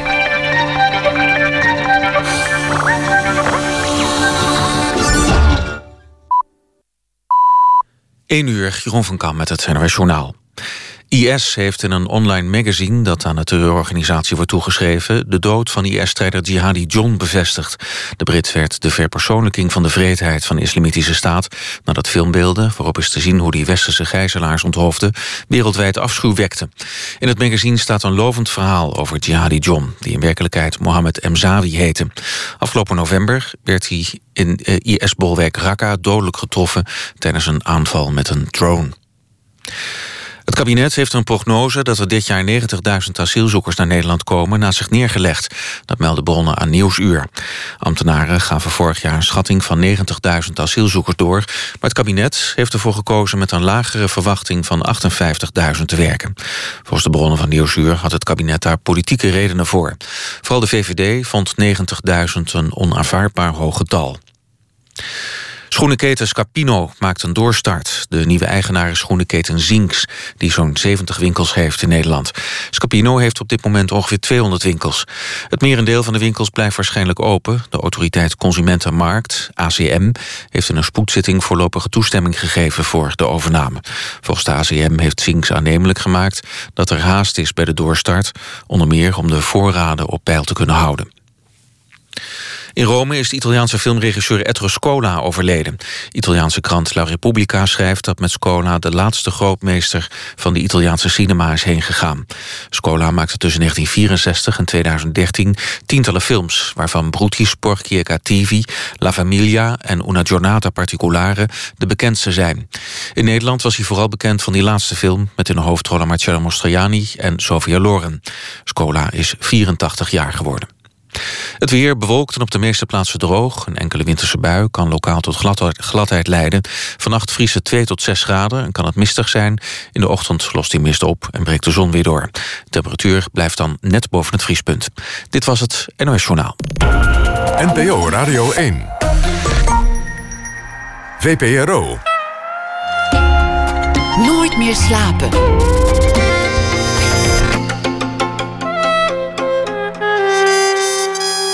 Met Pieter van der Wielen. Straks hoort u uh, schrijvers Ronald Giphart en Bart Chabot... die uh, door het land trekken als het trio Giphart en Chabot. En dat uh, doen ze vanwege het wegvallen van Martin Bril. Het moet toch een trio blijven, ondanks dat hij er niet meer bij is. We spelen open kaart met cabaretier Eva Krutse. Ze heeft een nieuwe voorstelling met de titel Spiritus. En Assis Aynandi zal deze week elke nacht een verhaal voordragen... over de voorbije dag. En hij is schrijver, schreef onder meer het feuilleton Ik Dris... en Gebed zonder eind. Drie, uh, Assis, goeienacht. Goeienacht, Pieter. Weer een dag voorbij en uh, je hebt weer een verhaal gemaakt over uh, iets dat je die dag heeft bezig gehouden. Je had gisteren ja. een, een, een, beleidsdag. En ja, vandaag had je, geloof ik, weer een beleidsdag. Ja, klopt, inderdaad, ja. Vertel. Nou, het gaat niet over de beleidsdag. Ik, ik las vandaag dat er een jongen was opgepakt in Casablanca en die had iets te maken met de aanslagen in Parijs. En uh, sinds die aanslagen in Parijs valt mij iets op in het uh, debat in Nederland. En daar heb je iets over geschreven? Ja, het stuk heet Empathie. Ga je gang. Columnist Hajar Ben Miloud schreef in het weekblad Folia een lange column over jihadgangers. Ze vroeg zich af hoe die Hollandse jihadis te redden. Ben Milouds oplossing was empathie. Het stond terecht. Een jihadi is een persoon die deelneemt aan een heilige oorlog of van die strijd droomt. Het is nogal schrikken als een auteur na lang pijzen met de oplossing komt dat we ons moeten verplaatsen in de gevoelens en de gedachtegang van hen die ons dood willen. Empathie bevindt zich wat mij betreft in het domein van de privésfeer. Het verplaatsen in mensen die dichtbij staan is al een hele opgave. Het kan zijn dat Ben Miloud bedoelt dat we terroristen moeten begrijpen. Maar waarom? Ik denk dat Ben Miloud onvoldoende ziet in welke wereld wij leven. Een lacune die ik bij nogal wat collega-auteurs lees. Na de Parijs-aanslagen las ik een column van de schrijver James Worthy. Hij vroeg zich af hoe het kon dat die straatvoetballers terroristen werden. Het stond er echt. De luie ideeën die vanuit gezellig Hipsterdam de wereld in worden geholpen, begin ik steeds gevaarlijker voor de vrijheid te vinden dan welke potentiële jihadist dan ook. In mijn jeugd heb ik te maken gehad met empathie als beleidsinstrument. Onze buurtmoskee was een van de plekken waar de islamitische broeders regelmatig neerstreken. Ze preekten de ware islam. De broeders scouten ook Korantalenten voor Pakistan en Afghanistan. En ze verspreiden VHS-tapes met beelden van de Balkanoorlog. In die video's werd opgeroepen naar voormalig Joegoslavië af te reizen om deel te nemen aan de jihad. Het ronselen is al lang gaande. De rechtsorde wist hiervan en greep niet in, omdat zij empathie had. Maar als het gezag invoeringsvermogen beleid wordt wegkijken bedoeld. Empathie is inderdaad uh, een, een, merkwaardig woord als je het hebt over, over mensen die vrij duidelijk zijn over wat ze willen. Namelijk uh, de westerse vrijheid te niet doen en, en daar een, een religieuze dictatuur voor in de plaats stellen. Ik bedoel, je moet mensen soms ook serieus nemen, toch? En niet denken van, ja. oh ja, dat zeg je wel, maar eigenlijk wil je iets heel anders. Of eigenlijk ben je op een knuffel uit. Dat, dat lijkt, mij, lijkt mij een naïeve gedachte in deze tijd, maar je leest hem op heel veel plekken terug. Ja, ja, klopt. En het is niet eens alleen de, de westerse wereld, of de vrijheden van de westerse wereld. Maar in wezen gewoon de andere, die is uh, per definitie fout. En ik begrijp wel heel goed dat je dan naar van alles en nog wat uh, gaat zoeken om uh, oplossingen te bedenken. En dan komen er dus uh, ja, oplossingen zoals empathie. Maar het is echt heel belangrijk dat we onszelf blijven begrijpen en niet de ander. Iets anders wat je heel vaak leest is, is de materiële oplossing. En dat, komt voort uit een heel materiële samenleving. Dat ze dan zeggen: ja, maar eigenlijk hebben ze gewoon een gebrek aan welvaart. Of, uh, of is, uh, weet ik veel, is een uitkering te laag of willen ze carrièrekansen. Dat is, dat is een hele vreemde dialoog met iemand die een religieus fanaticus is. Om dan te denken dat het om iets, om iets materieels te doen is, uiteindelijk. Maar ook dat ja, lees je heel vaak. Ja, nou ja, je, je hoort wel eens dat mensen, dan, vooral jongens, die dreigen te ontsporen in het criminele milieu van uh, ja, die hebben drie W's nodig, namelijk uh, werk, woning en een wijf. En ik denk dat, dat dat op zich wel heel vaak een goede oplossing kan zijn. Maar dat zijn meestal um, ja, jongens die je eigenlijk nog niet kwijt bent. Hè? En, dat is nog, uh, nog lang voor het radicaliseren is begonnen en ze religieus ja, fanaticus zijn. Ja, of in, in welke vorm de weg kwijt zijn. Dat die gewoon eigenlijk er nog wel... ja, zijn er eigenlijk nog wel aanwezig met hun hoofd hier op een gegeven moment, ja, mensen die iets heel anders willen dan, uh, dan jij of een bepaalde samenleving, daar moet je gewoon tegen zeggen van, uh, ja, uh, werken we niet aan mee. Er wordt veel onderzoek gedaan naar hoe je radicalisering kunt voorkomen en, en tegengaan. En tot nu toe is de conclusie eigenlijk van al die wetenschappers: we weten het nog niet. Assis, dankjewel voor je verhaal vannacht. En graag morgen weer een verhaal. En voor nu een goede nacht. Nog een hele goede uitzending gewenst. Uit Louisiana komt singer-songwriter Dylan LeBlanc. Hij is 25. Zijn vader schreef liedjes voor countryartiesten. En dus zat hij vanaf zijn tiende nachtenlang te luisteren naar muzikanten. En dat uh, heeft geleid tot een eigen muzikale carrière. Zijn derde album is verschenen, Cautionary Tale, waarvan wij draaien het titelnummer.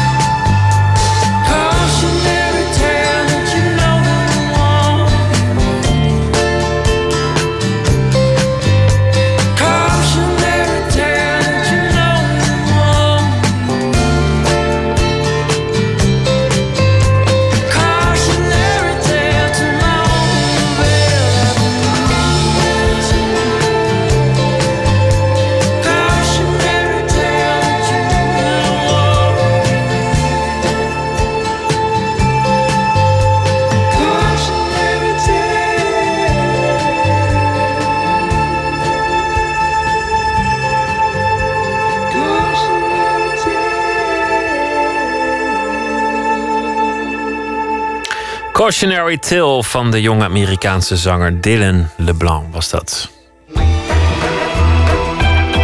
Nooit meer slapen. Ze noemen zichzelf vertegenwoordigers van troost. En zo reizen ze door het land als het trio Giphart en Chabot. Ronald Giphart en Bart Chabot. Dat de twee heren zich een trio noemen heeft ermee te maken dat ze eerder in andere samenstellingen optraden. Maar het lot wilde dat steeds één van het trio stierf. Dat was Herman Brood, Joost Zwagerman, Martin Bril, om er maar eens drie te noemen. Matthijs Deen trof de twee overlevers, Gippert en Chabot, aan in het Twentse Hengelo in de jubilerende bibliotheek aldaar. Zo'n avond is het, stil en donker. De stad die wacht op de dingen die komen gaan. De buren hebben ook weer eens ruzie. En ik hoor hem vloeken en haar kijven. Dat komt bij ons niet voor. De vaste vloerbedekking. Ik weet, het is een waarheid als een koe. Er is en wordt alom driftig doodgegaan en er wordt even zoveel overleefd. Vrienden die alleen gelaten verder gaan, maar die op onverhoedse momenten tegen de tijd in de stilgevallen stemmen proberen op te roepen. Als de twaalfde of de tiende. Schrijvers hebben er een handje van. Literatuur is, hoe groot of klein ook, altijd op goede voet geweest met de dood. Egidius, waar best u bleven, schreef de middeleeuwse dichter al. Jij koos de dood, je liet mij het leven. Ik moet nog liedjes zingen voor ik ga.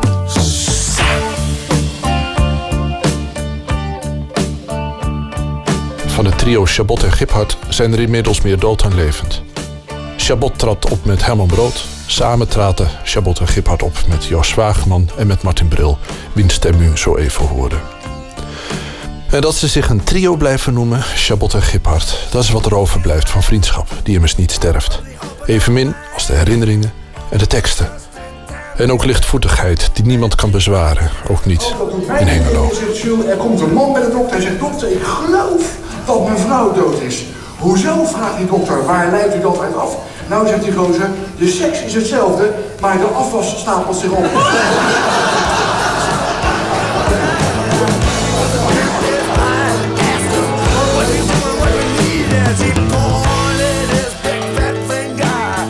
Wie met jullie op tour gaat, Die gaat dood. En we hebben al bedacht van hoe moet dat nou? Eh, als, als ik bijvoorbeeld overlijd, moet Bart dan verder onder de naam trio. Dat wordt toch een heel klein beetje. Jij, jij, bent, jij bent nu degene die er nog het meest eh, gezond doorkomt. Ja, ik werd door eh, collega Tommy Wieringa Dr. Death genoemd. Ben je ook niet echt heel erg blij mee, denk ik. Ja. Jullie zijn met lege, met lege plekken op tournee. Juist. En we, toen we bedachten de naam Trio, eh, toen zou Joost er zo meedoen. Joost, wat, dat was, bleek toch geen goed idee te zijn. En toen vonden we het eigenlijk wel symbolisch om dan eh, verder te gaan onder de naam Trio. Waarbij er inderdaad altijd eh, iemand wel aanwezig is zonder fysiek aanwezig te zijn. En Maar sluipt dat ook het verhaal binnen? Sluipt Ja, dat het er- ja, nou, alleen al het toneelbeeld sluipt er binnen. Want ehm, eh, niet hier in de bibliotheek, maar hier in de bibliotheek Hengelo zijn die tien jaar bestaat. Daar hebben we een iets aangepaste versie. Maar in onze reguliere theaterprogramma staan er drie staanmicrofoons op het podium. En de middelste is eentje met een, eh, een hoge hoed. Met erin een konijn. En eh, dat symboliseert natuurlijk in feite. Martin niet zit konijn met de hoge hoed. Dat, hij is er dus niet, maar hij is er toch wel. In wat voor zin is hij er wel? Omdat hij natuurlijk eh, onze levens eh, eh, heeft beïnvloed op een vrij indringende wijze. En wat wij nu doen, dat heeft natuurlijk ook heel veel te maken met wat hij gedaan heeft met ons. En in de verhalen die wij doen en de gedichten en de, verhalen die we vertellen, komt Martin natuurlijk regelmatig terug. Om niet te zeggen, zeer navrant terug. Ja, ja. We, we- we zijn veel met Martin overal geweest. En iedere plek hebben wij herinneringen aan Martin. Eh, dus die vertellen, delen we dan met de zaal. Als we zijn in Hengelo of in Alkmaar of in Hello. Of, eh, dan, dan hebben wij eh, toegesneden verhalen over Martin. En, en soms ook over Joost. Die met die plek te maken hebben. Vandaag ook in Hengelo heb ik een verhaal dat zich hier afspeelt. Je had net zo goed de lege plek van Brood kunnen nemen. Of de lege plek van Zwageman. Mijn Nou, bril is... Herman komt ook even terug in het verhaal. Ehm, dus, eh, want dat heeft, daar heeft natuurlijk Ronald niet mee getoerd, maar ik natuurlijk wel indringend. Om niet te zeggen dat ik een deel van mijn leven met hem geleefd heb. Dus die komt ook terug. Eigenlijk zou je kunnen zeggen, is het helemaal, als je daar van het afstukje naar kijkt naar het programma, gaat het er eigenlijk over hoe, hoe ga je daar nou eigenlijk mee om met dierbaren die je kwijtraakt. En hoe pak je de draad weer op? En hoe, of hoe, hoe, hoe hebben wij dat in ieder geval gedaan, laten we het zo zeggen. Overigens En dat moet even wel bij zeggen dat het geen jammerklachten zijn. Hè? De- de- het- het- we gaan wel optimistisch met de dood om. eh. Ja. Met lichtvoetigheid, begrijp ik. Lichtvoetigheid, gevoel voor humor. eh relativeringsvermogen. Gevoel voor het absurde. Gevoel voor de waarde van het leven. Gevoel van de waarde voor de, van de kleine details. De kleine dingen die met elkaar meegemaakt hebt. Helemaal niet eens. Je zit niet in een grote vakantie naar Amerika voor zes maanden rond. Je zit hem vaak in een, een appelflap in Markelo. Om ieder geval drie smiddags op dinsdag met elkaar. Dat je, en dat je een lekker, CC-plafond ziet. Weet je wel, in de Chinees s'avonds. En onder een boom of een, een plant die al drie jaar geleden overleden is. En dan met die, met die kleine steentjes die er dan liggen, weet je, ter vulling. Dat, dat soort kleine, dat, de- en dat je daar elkaar aankijkt, niks hoeft te zeggen en van elkaar. En ook niet alleen daarvan, maar ook van elkaar geniet. Van elkaar zijn wezen, altijd plezier hebt. Dat het leuk vindt om elkaar te zien. Dat er een vriendschap is ontstaan die, die door niets wordt gevoed, anders dan door alleen maar de vriendschap. Er zijn geen belang in het spel, er wordt dus helemaal niets, iets, een grote doel. Dus dat je ontzettend leuk vindt om met elkaar iets te doen, met elkaar op te trekken. Het- Je, je komt met een waterval van details en eh, van de kleine dingen Die overigens moet ik even bij zeggen, gewoon eh, ad hoc nu. eh, want het was voor mij ook even, die appelflap die... Heel makkelijk. Het systeemplafond komt altijd terug, maar die andere ja, ja, ja. Het is maar kort achter ons ook, die appelflappentijd, weet je wel. Ja, ja, ja. In Markelo ook. Ja, maar... Wij zijn zulke goede vrienden dat eh, wat Martin wel eens zei. En dat, is, dat, is, dat, heb, dat maak je met andere schrijvers niet mee. Simpelweg omdat je nooit in een omstandigheid bent dat je samen eh, zit te schrijven ergens. Dat hij zei van, eh, wat vind je van deze zin? Of, eh, en dat zijn echt gave experimenten. Hij zei, ik moet zo ontzettend naar het toilet. Ga jij eens even zitten. Zijn er zinnen in zijn columns die van jou zijn? Die van ons zijn, zeker. Ja. Ja, ja, we zeiden wel. Ja, maar wij, wij, wij zeiden al, terwijl we liepen, we liepen. Kijk, Martin vond het leuk om met z'n drieën door de stad heen te lopen. Want hij natuurlijk heel vaak alleen was. En dat was niet altijd leuk. Dat moet je, als je verplaatst in Martins leven. Hij was natuurlijk echt ontzettend alleen. Niet zo eenzaam, maar heel erg alleen. En daar kon hij heel goed mee omgaan. Maar hij had ook wel wat hij noemde favoriete hotels, restaurants. Noemde hij zijn troostplekken. Dus na gedane zaak ging hij daar dan hè, zitten. En dan liet zich het goed smaken en zo. En dan, we met hem dus door de stad heen liepen. En dus ook keken, met hem meekeken voor de column.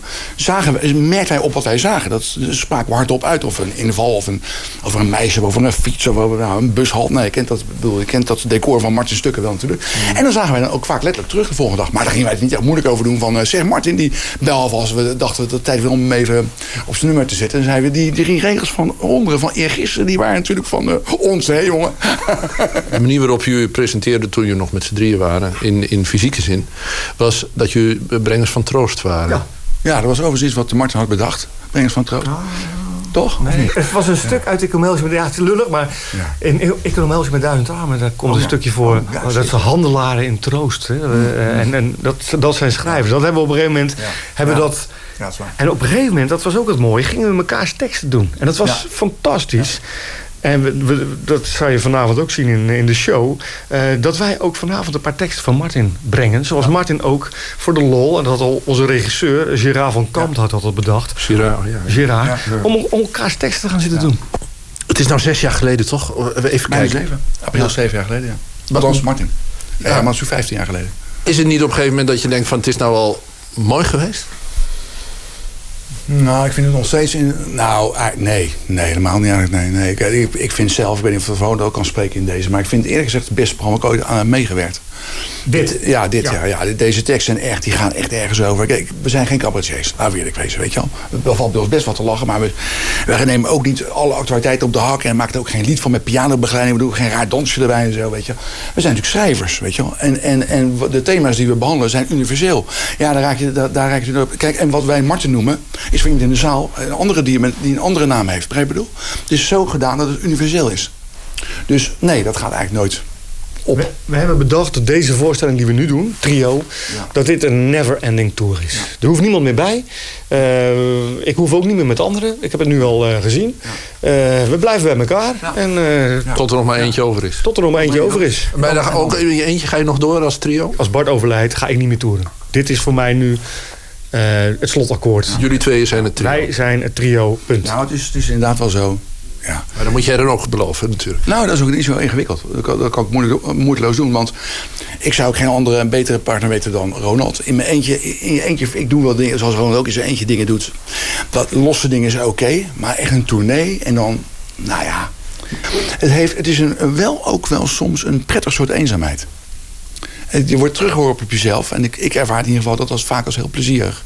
Je wordt geconfronteerd met alles om je heen en met je eigen eh, dingen. En dat vind ik niet altijd onprettig. Ik heb in de show heb ik een, eh, een verhaal. Eh, daar beginnen we eigenlijk mee. waarin we hebben opgetreden in Leeuwarden. En ehm, we hebben een hotelkamer geboekt. We hebben het idee van we gaan aflopen. Wat een geweldige voorstelling. Eh, we gaan eh, stappen en we gaan eh, succes maken. En dan uiteindelijk staan we in dat café met een zieloos biertje. Een glas spa rood in het geval van Bart. En dan gaan we naar onze hotelkamer. En dan zitten we in een soort poenig, raar hotel. Heeft Martin geregeld. Het stadhoudelijk hof. En we alle drie een jacuzzi op onze kamer. Dat was ooit een bordeel. Ja, dat is een bordeel. En we, hebben- we kunnen besluiten, we gaan alle drie onze jacuzzi vullen. Eh, want Bart had zin in een onderdompeling. En Martin had zin in een onderdompeling. Ik had zin in een onderdompeling na zo'n voorstelling. En dan besluiten we, nee, we doen één jacuzzi vullen.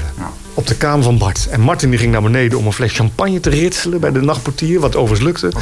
En dan zaten we op een gegeven moment zaten we met z'n drieën in een ruisende jacuzzi. Met een fles bubbels eh, tussen ons in.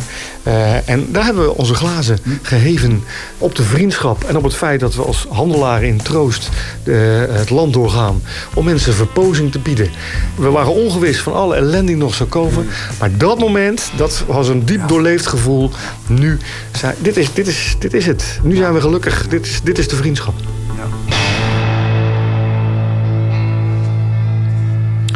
Het trio Gippard en Chabot trekt vanaf vrijdag door het land. Ze beginnen in Kuik, daarna gaan ze naar Eibergen, vervolgens naar Duiven. En dit was een bijdrage van Matthijs Deen. Een documentaire over het leven van Janis Joplin, vanaf donderdag in de bioscopen. De titel daarvan is Little Girl Blue. Het verhaal wordt verteld door de Amerikaanse zangeres Cat Power. En dat is reden om van laatstgenoemde, maar weer eens het beste album, The Greatest, uit de kast te trekken. We gaan luisteren naar het titelnummer. Uit 2006 komt dat, The Greatest. greatest.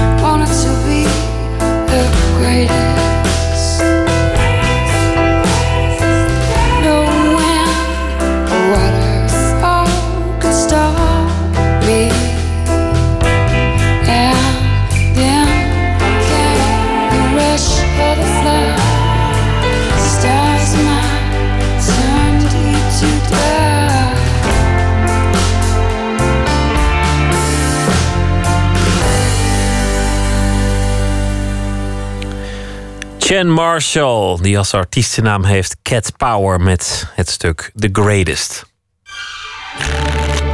Open kaart. Eva Krutse zit tegenover mij. Zij is eh, cabaretier. Ze heeft een eh, nieuwe voorstelling, 15 januari in première gegaan. Spiritus is daarvan eh, de titel. En het gaat over het leven van de moderne twintiger. De rubriek heet Open Kaart. Hier ligt een bak met kaarten met daarop vragen die we zo meteen gaan behandelen. Maar laten we het eerst hebben over eh, het vak van cabaretier en, eh, en over de voorstelling. Hoe word je eigenlijk cabaretier? Hoe gaat dat? Ehm, hoe word je dat? Hoe ben jij het geworden? Laat ik het zo, zo nou, ik heb een theateropleiding gedaan van vier jaar. En toen daarna ben ik eigenlijk verschillende soorten dingen gaan doen. Ben dus eh, als actrice gaan werken en als zangeres. En ook blijven dansen.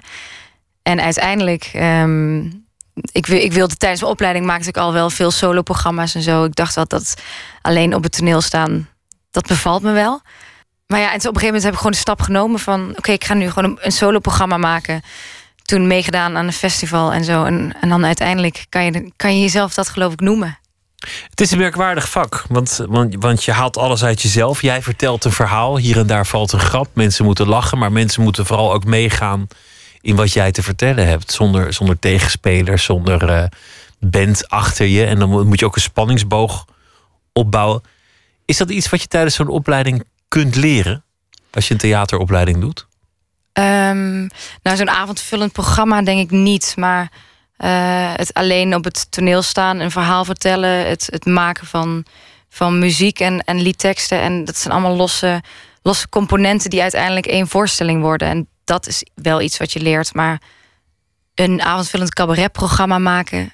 Dat, daar is volgens mij geen opleiding voor. Dat is iets.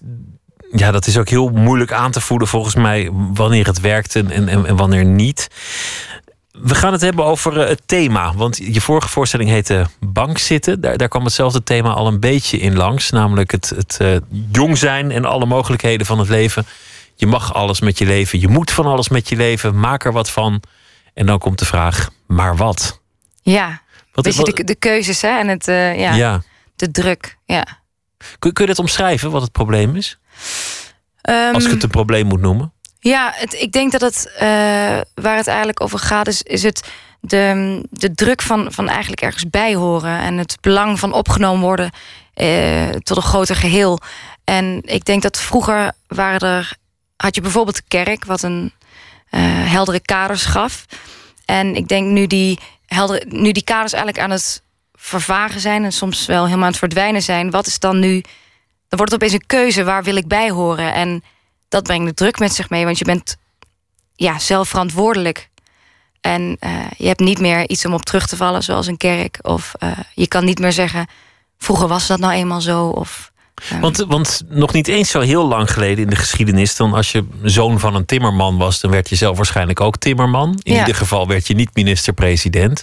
nee. Als je ge- geboren was als kind van katholieke ouders, dan was het wel de bedoeling dat je zelf ook in die kerk werd opgenomen. Daar werd je gedoopt, daar werd je begraven en tussendoor zou je er trouwen. Je werd eigenlijk al, al in een min of meer uitgestippeld bestaan geslingerd. Ja. Met, met alle nadelen van dien. Ja, klopt. Nu is iedereen wel heel erg met identiteit bezig. Dat, dat is interessant. Ja, om, omdat dus, omdat dus dat... eh, omdat je in principe kan worden wat je wilt. En dan komen er ook weer problemen bij kijken. Want als alles kan, dan is niks goed genoeg. Of dan wordt ook opeens de, de consequentie van een bepaald soort keuze... Er is, op, er is een, een, een consequentie die aan jezelf te wijten is. En Je dat maakt- brengt een druk met zich mee. Je, Ja. maakt, je maakt een keuze, dat is dan ook jouw keuze. Mhm. En je denkt altijd, misschien had ik ook dit kunnen worden. Dus je, je bent nergens Ja. meer definitief in. Of, of je, Ja, je en, blijft en altijd ook het gevoel van, van, van eh, ben ik wel goed genoeg? Eh, Is het wel hierin- spannend genoeg? Is het wel mooi genoeg? Nou, da- dat is aan, aan één kant. Hè, dus het, het, het groot zijn, meeslepende, wat to- toch wel eh, volgens mij ook wel iets is wat, wat heel erg leeft. Van het, het moet groots en het.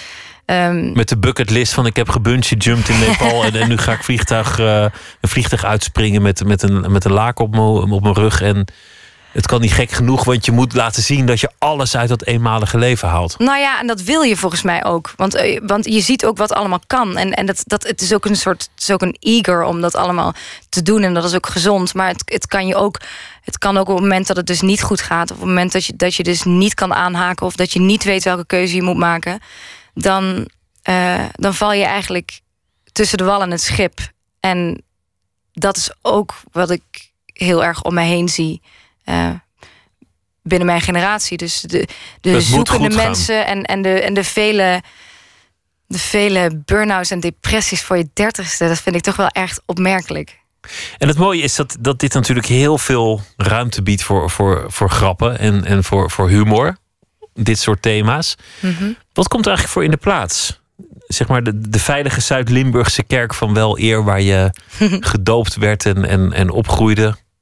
Daar- wat daar- wat ja, doen dat- mensen dat- nu? Daar, daar, daar, gaat mijn, eh, daar gaat mijn programma over. En dat is, dat is voor iedereen verschillend. En eh, eh, waar ik het ook in mijn programma over heb, is dat voor mij is bijvoorbeeld festivals, vind ik een heel helder, bijna een, een heldere vergelijking van, van allemaal mensen op één plek met. eh, de kaders, dat zijn wat vroeger de, de muren van de kerk waren, dat zijn nu de, de hekken van het festivalterrein.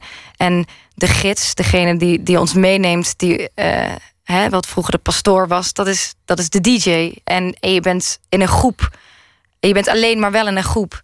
En dat geeft een veilig gevoel. Dat, En je daar kan je in bij. opgaan. Je hoort Ja. ergens bij. Je hebt allemaal hetzelfde bandje om. En dat geeft een gevoel van samenhorigheid. eh, En geborgenheid. Geborgenheid, Zullen we beginnen? ja. Ik heb jullie bak met kaarten. Ik zou je willen Mag- vragen om er één te trekken. Ja, oké. Wat is volgens jou de beste plek om te wonen?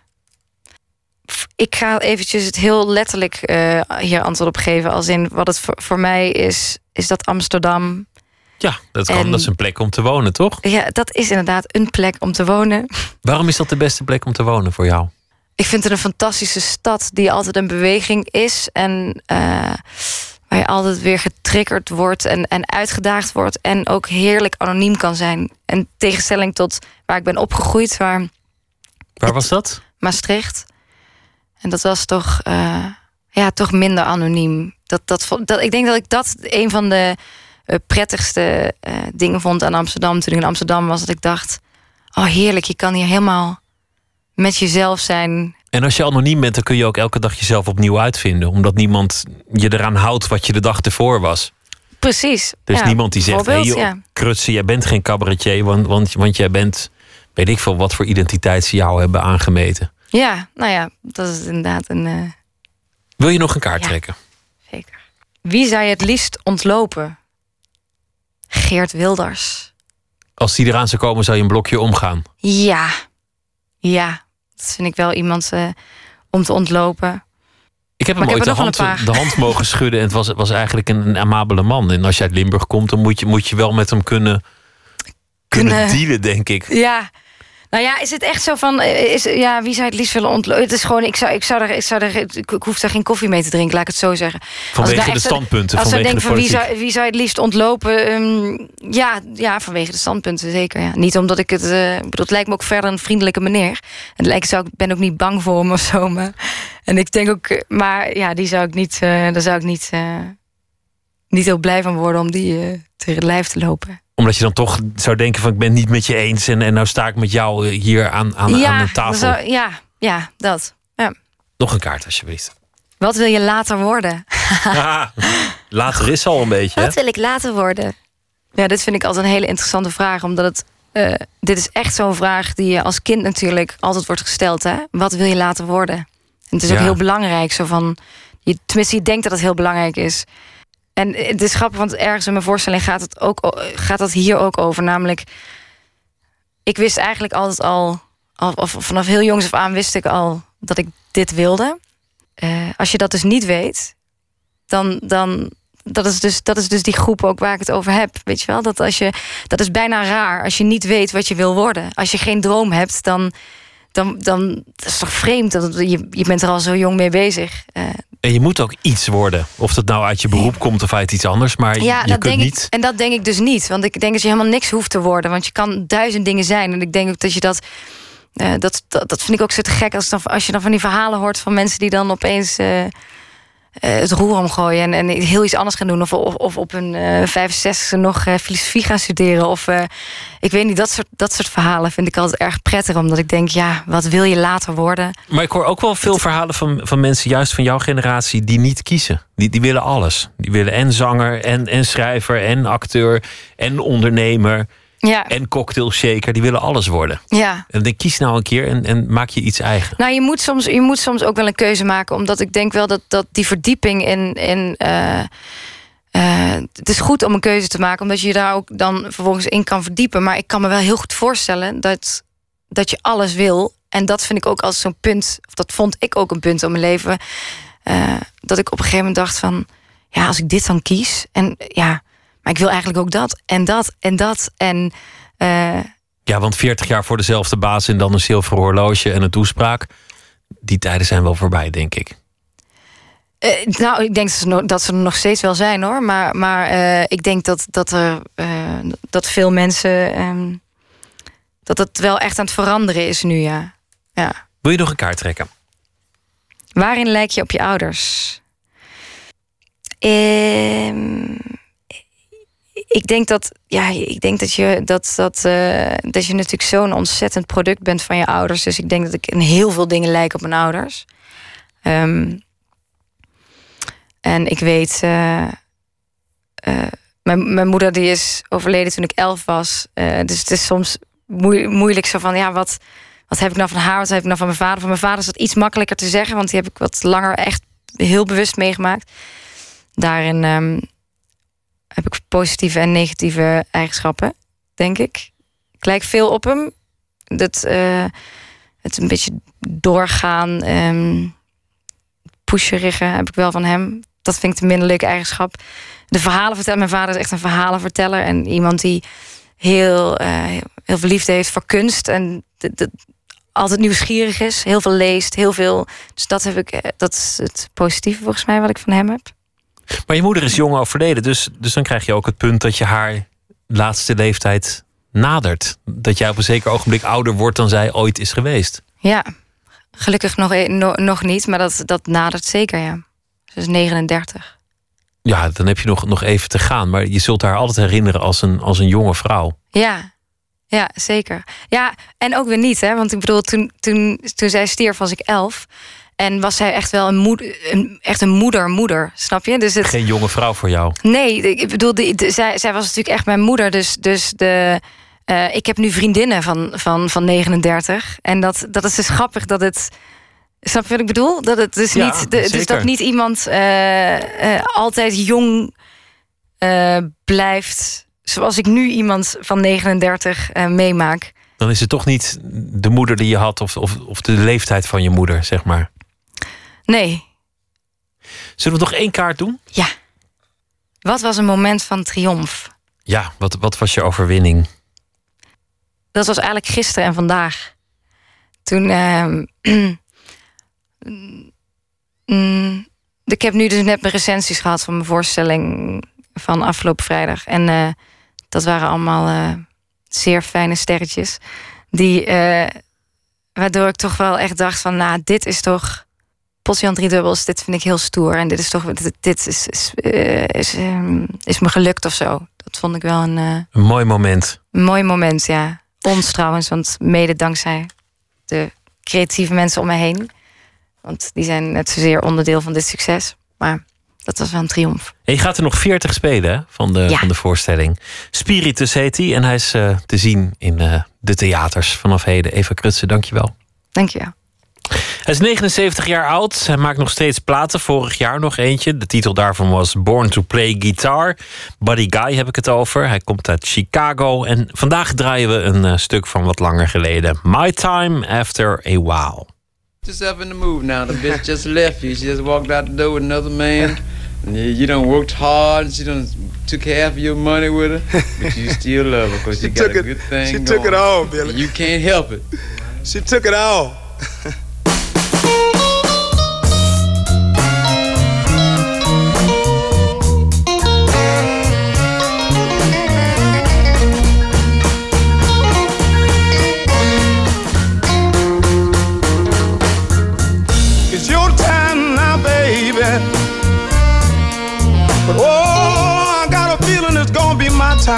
after a while.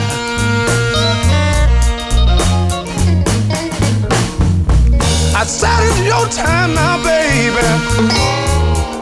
But oh, I got a feeling it's gonna be my time after a while.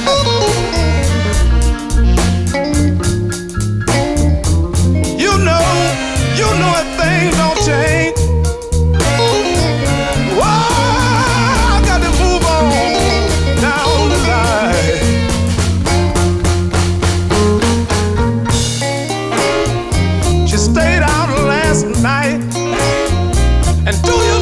Just walked in?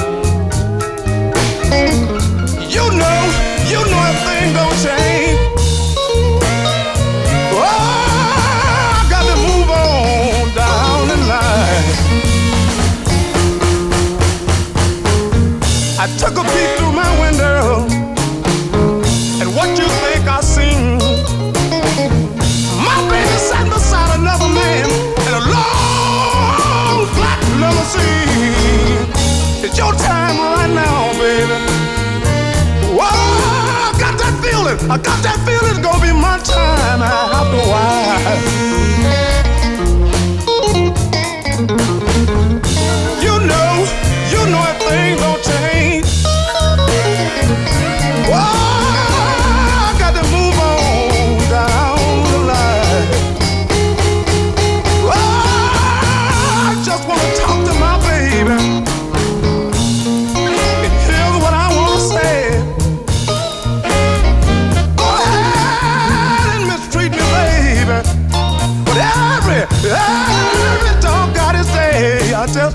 said I wanna talk to my baby. I just got to talk to my baby. I just wanna talk to my baby. Eric Clapton zei ooit: Buddy Guy was voor mij wat Elvis voor anderen was. En ook Jimmy Page noemde hem een absolute monster. Kortom, een grote invloed op uh, latere rockgitaristen. Met het nummer My Time After a While. Nooit meer slapen. Nederland heeft er een nieuw kunsttijdschrift bij. Dat werd vanavond gepresenteerd in Amsterdam in het AI Filmmuseum. De titel is See All This. En Emmy Colau, onze nachtcorrespondent, was uiteraard bij de lancering aanwezig. Goedenacht, Emmy. Goedenacht. Wat een heerlijke blijk van optimisme om een nieuw kunsttijdschrift te beginnen in deze tijd van uh, vervlakking en verloedering. Vertel eens over dat uh, nieuwe blad. Ja, dat klinkt een beetje als een waagstuk, hè? Want het gaat natuurlijk in het algemeen al helemaal niet zo lekker met de bladen. En die kunstbladen die bevinden zich helemaal in zwaar weer. Een aantal zijn de afgelopen jaren al verdwenen. En andere zijn dan alleen nog maar online te vinden. En See All This, zo heet het dus, is een nieuwe poging tot een papieren kunstblad. En dat verschijnt zelfs niet alleen in het Nederlands, maar dan ook nog in het Engels. En dan is er ook nog een online platform. Dus dat is allemaal best wel ambitieus. En het is opgericht door kunsthistorica Nicole X. En zij weet op zich wel echt hoe je een blad moet maken. Want zij stond ook aan de wieg van cultuurmagazine Hollands Diep. En dat is dus ook al jammerlijk ten einde gekomen. Maar deze Nicole X die blijkt zich niet zo snel gewonnen te geven. Want die voelde ondanks die hele malaise toch de noodzaak iets nieuws te beginnen. Uit idealisme en ook een beetje omdat ze het gewoon leuk vindt. En vanavond was dus die uh, lancering en ik sprak haar vlak voor haar openingsspeech. Het was echt crisistijd ook. Uh, het was ook uh, veel bezuinigingen. Hele zwaar, zwaar weer voor de musea. En ik, ik dacht, als we nou nieuw elan erin kunnen brengen... en we met elkaar aan die verandering kunnen werken. En opnieuw toch met elkaar willen nadenken over een, een soort van blad als, uh, als Hollands Diep. En dat is inderdaad een persoonlijk verlangen. Er is niets zo fijn als een tijdschrift maken. Maar hoe doe je dat vervolgens? Een tijdschrift beginnen uh, als eigenlijk de tijdgeest niet echt wind in de rug is. En nou ja, de crisis ook nog niet volledig opgelost. Zeker niet in de bladenmarkt. Ja, uh, zij, Nicole X had het in haar speech over dat je dan soms opeens zo'n goed idee hebt. En bij haar was dat goede idee om uit te gaan van musea. Dus er zijn in Nederland meer dan 600 musea en die hebben miljoenen kunstvoorwerpen in de collecties. En ook nog eens een enorm netwerk. Dus zij dacht, als ik nou die musea als basis neem, en dat verklaart ook een beetje die naam, See All This, bekijk al dit nu eens. Dus zij benaderde die museumdirecteuren met de vraag of ze mee wilden werken en ook een bedrag wilden investeren. Ja, die museumdirecteuren zijn natuurlijk een beetje eigenwijze types. Maar tot haar verrassing waren tien van de vijftien directeuren die ze een brief stuurden meteen enthousiast. Voor mij verrassend was dat we met uh, tien van die directeur binnen twee weken een afspraak hadden. En toen dacht ik, ja, daar is uh, inderdaad iets aan te veranderen. En het besef dat, zoals we het hebben gebracht, delen is het nieuwe hebben. Uh, dat besef, dat, dat dringt toch door. Ja, dat is een zinnetje dat je vaker hoort. Delen is het nieuwe hebben. Geen idee wat ze bedoelt trouwens, maar... Dat is natuurlijk dat het ja, elk museum een eigen blaadje oprichten... dat is natuurlijk helemaal niet meer financieel haalbaar. Uh, dat is een beetje je eigen blaadje eerst. Maar die musea die zijn daar nu dus overheen gestapt. En bij die lancering leek de eensgezindheid ook heel erg groot. Het was ontzettend druk en de stemming die was natuurlijk heel opgetogen... zoals dat hoort bij dit soort presentaties. En een van die betrokken directeuren, dat is Ralf Keuning... van de Fundatie in Zwolle sowieso altijd wel een optimistisch type. En uh, hij was druk door dat magazine aan het bladeren toen ik hem sprak. En hij leek bijzonder in zijn nopjes. Ik had al wel een, een beetje gevoel van de sfeer, maar, maar dit is de eerste keer dat ik hem vasthoud. Heel mooi. Het is, het is een echte anticyclische beweging. Het is, het is keihard op de kunstinhoud inzetten. Ongelooflijk chic tegen de, tegen de stroom in, bedoel je dus eigenlijk? Ja, dwars, ja, ja en, en misschien zelfs wel een klein beetje tegen de oude tijdgeest in. En dat is natuurlijk heel verleidelijk, want wie weet is dit wel de nieuwe tijdgeest. En wat bedoel je daar dan mee? Nou, ik bedoel ermee dat, dat die kunst natuurlijk een heel aantal jaren in het verdomhoekje heeft gezeten. En we het nut eh, ook heel erg moesten zoeken in de economische betekenis van die kunst. En nou, de sector staat, slaat terug en wel genadeloos. Het is heel mooi. Daar heeft hij natuurlijk wel een punt, uh, Emmy. Want tegelijk zie je lange rijen bij grote tentoonstellingen. Um, het is hartstikke druk in, in musea. Dus al dat gesomber, daar moeten we misschien ook gewoon van af. Wat staat er nou in het blad? Vertel eens hoe het blad eruit ziet. Ja, uh, nou er staat uh, allereerst natuurlijk een editorial, heet het een heel chic. En Nicole X die schrijft daarin... dit is niet echt een kunsttijdschrift. Wat wel verrassend is voor iemand die een kunsttijdschrift maakt. En dan zegt ze, want voor mij, en ik denk dat dat geldt voor heel veel mensen... hebben kunsttijdschriften altijd iets hermetisch. Ze sluiten je op in een universum van theorieën van kunsthistorici...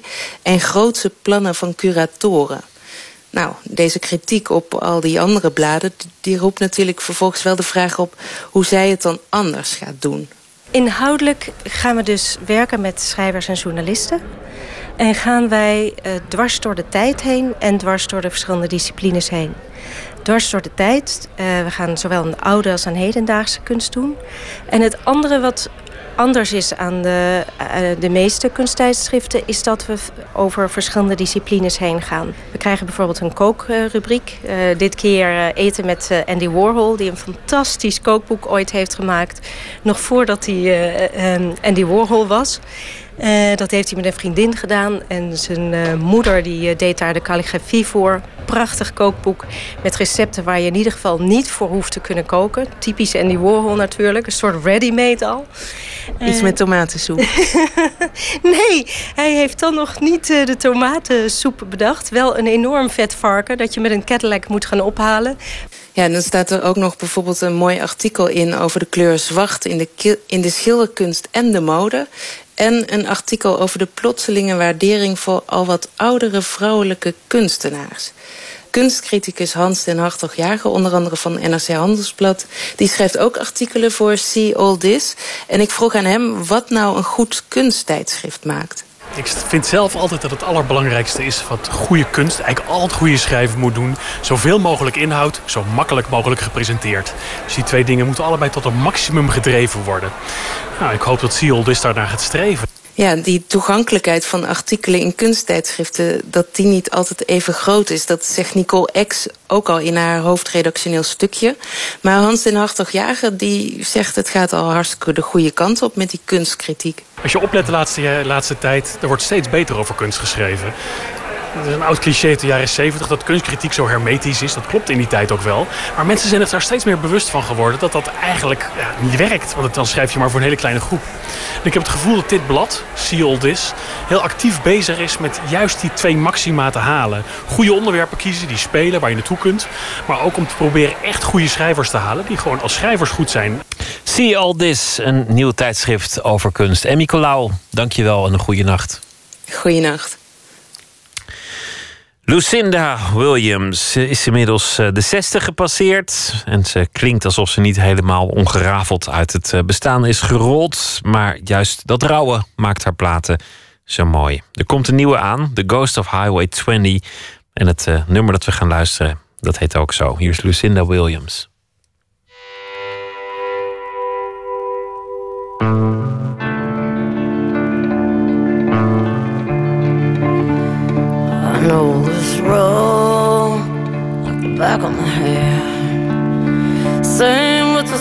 Stations, only FM band. Farms and truck stops, fireworks stands. I know this road like the back of my hand.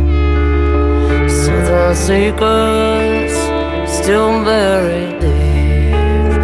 Rooting and restless neath the cracked concrete. If you were from here, you would feel me to the death along with the ghosts of Howard 20. I went through hell when I was younger.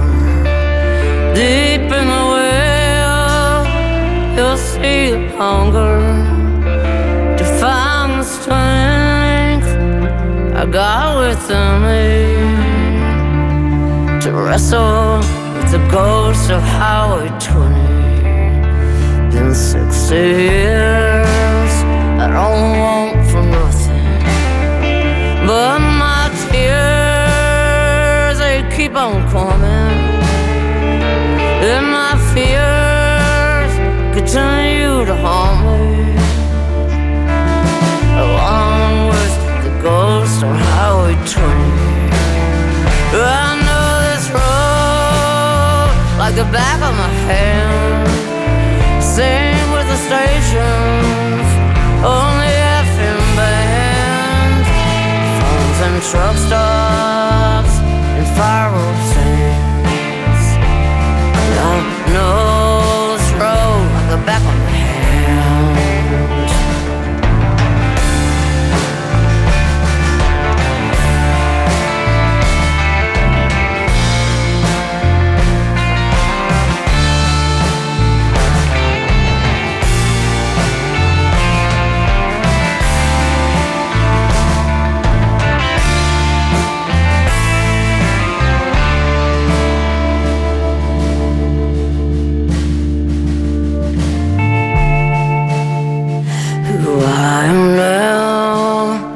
to I was then.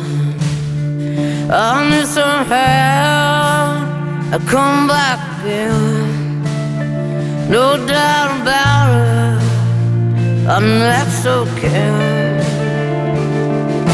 to all the ghosts along Howard 20. Run down motels, fading billboards. Used cars sale, the rusty junkyards. This two-lane blacktop will never let me let go of the ghost along Highway 20. And I have songs of say we're closing in on the final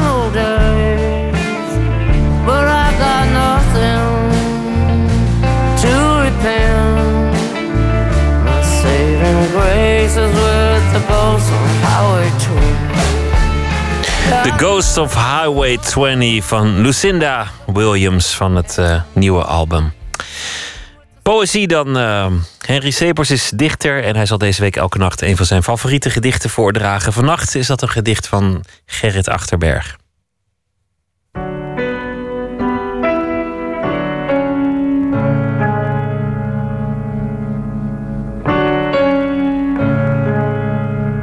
Ik ga een gedicht voorlezen van Gerrit Achterberg. Eh, het gedicht heet Code. En eh, ja, ik lees Achterberg eigenlijk al vanaf mijn zestiende jaar. Voor die leeftijdsgroep eh, is het ook een interessante dichter. Want Achterberg is obsessief en is ook heel erg absoluut. En dat hoort natuurlijk bij pubers. En hij leerde mij dat de taal iets magisch heeft. En dat als je het maar lang genoeg probeert... je er zelfs een geliefde mee het graf uit kunt praten of schrijven. In ieder geval probeert hij dat. Code. De levenskracht die gij eenmaal bezat, verdeelt zich nu over het ABC. Ik combineer er sleutelwoorden mee en open naar uw dood het zware slot. Het is in het vers de figuratie God, te vinden met de letters G, O, D.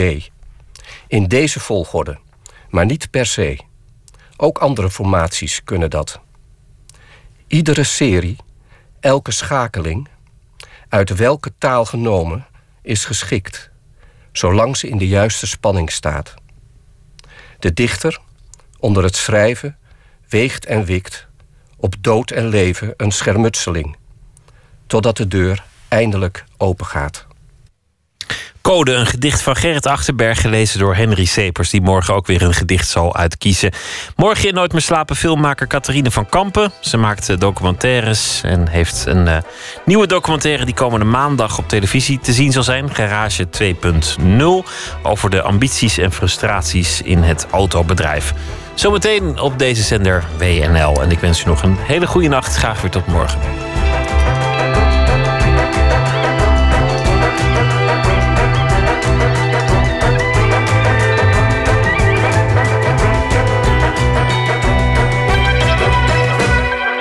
Radio 1, het nieuws van alle kanten.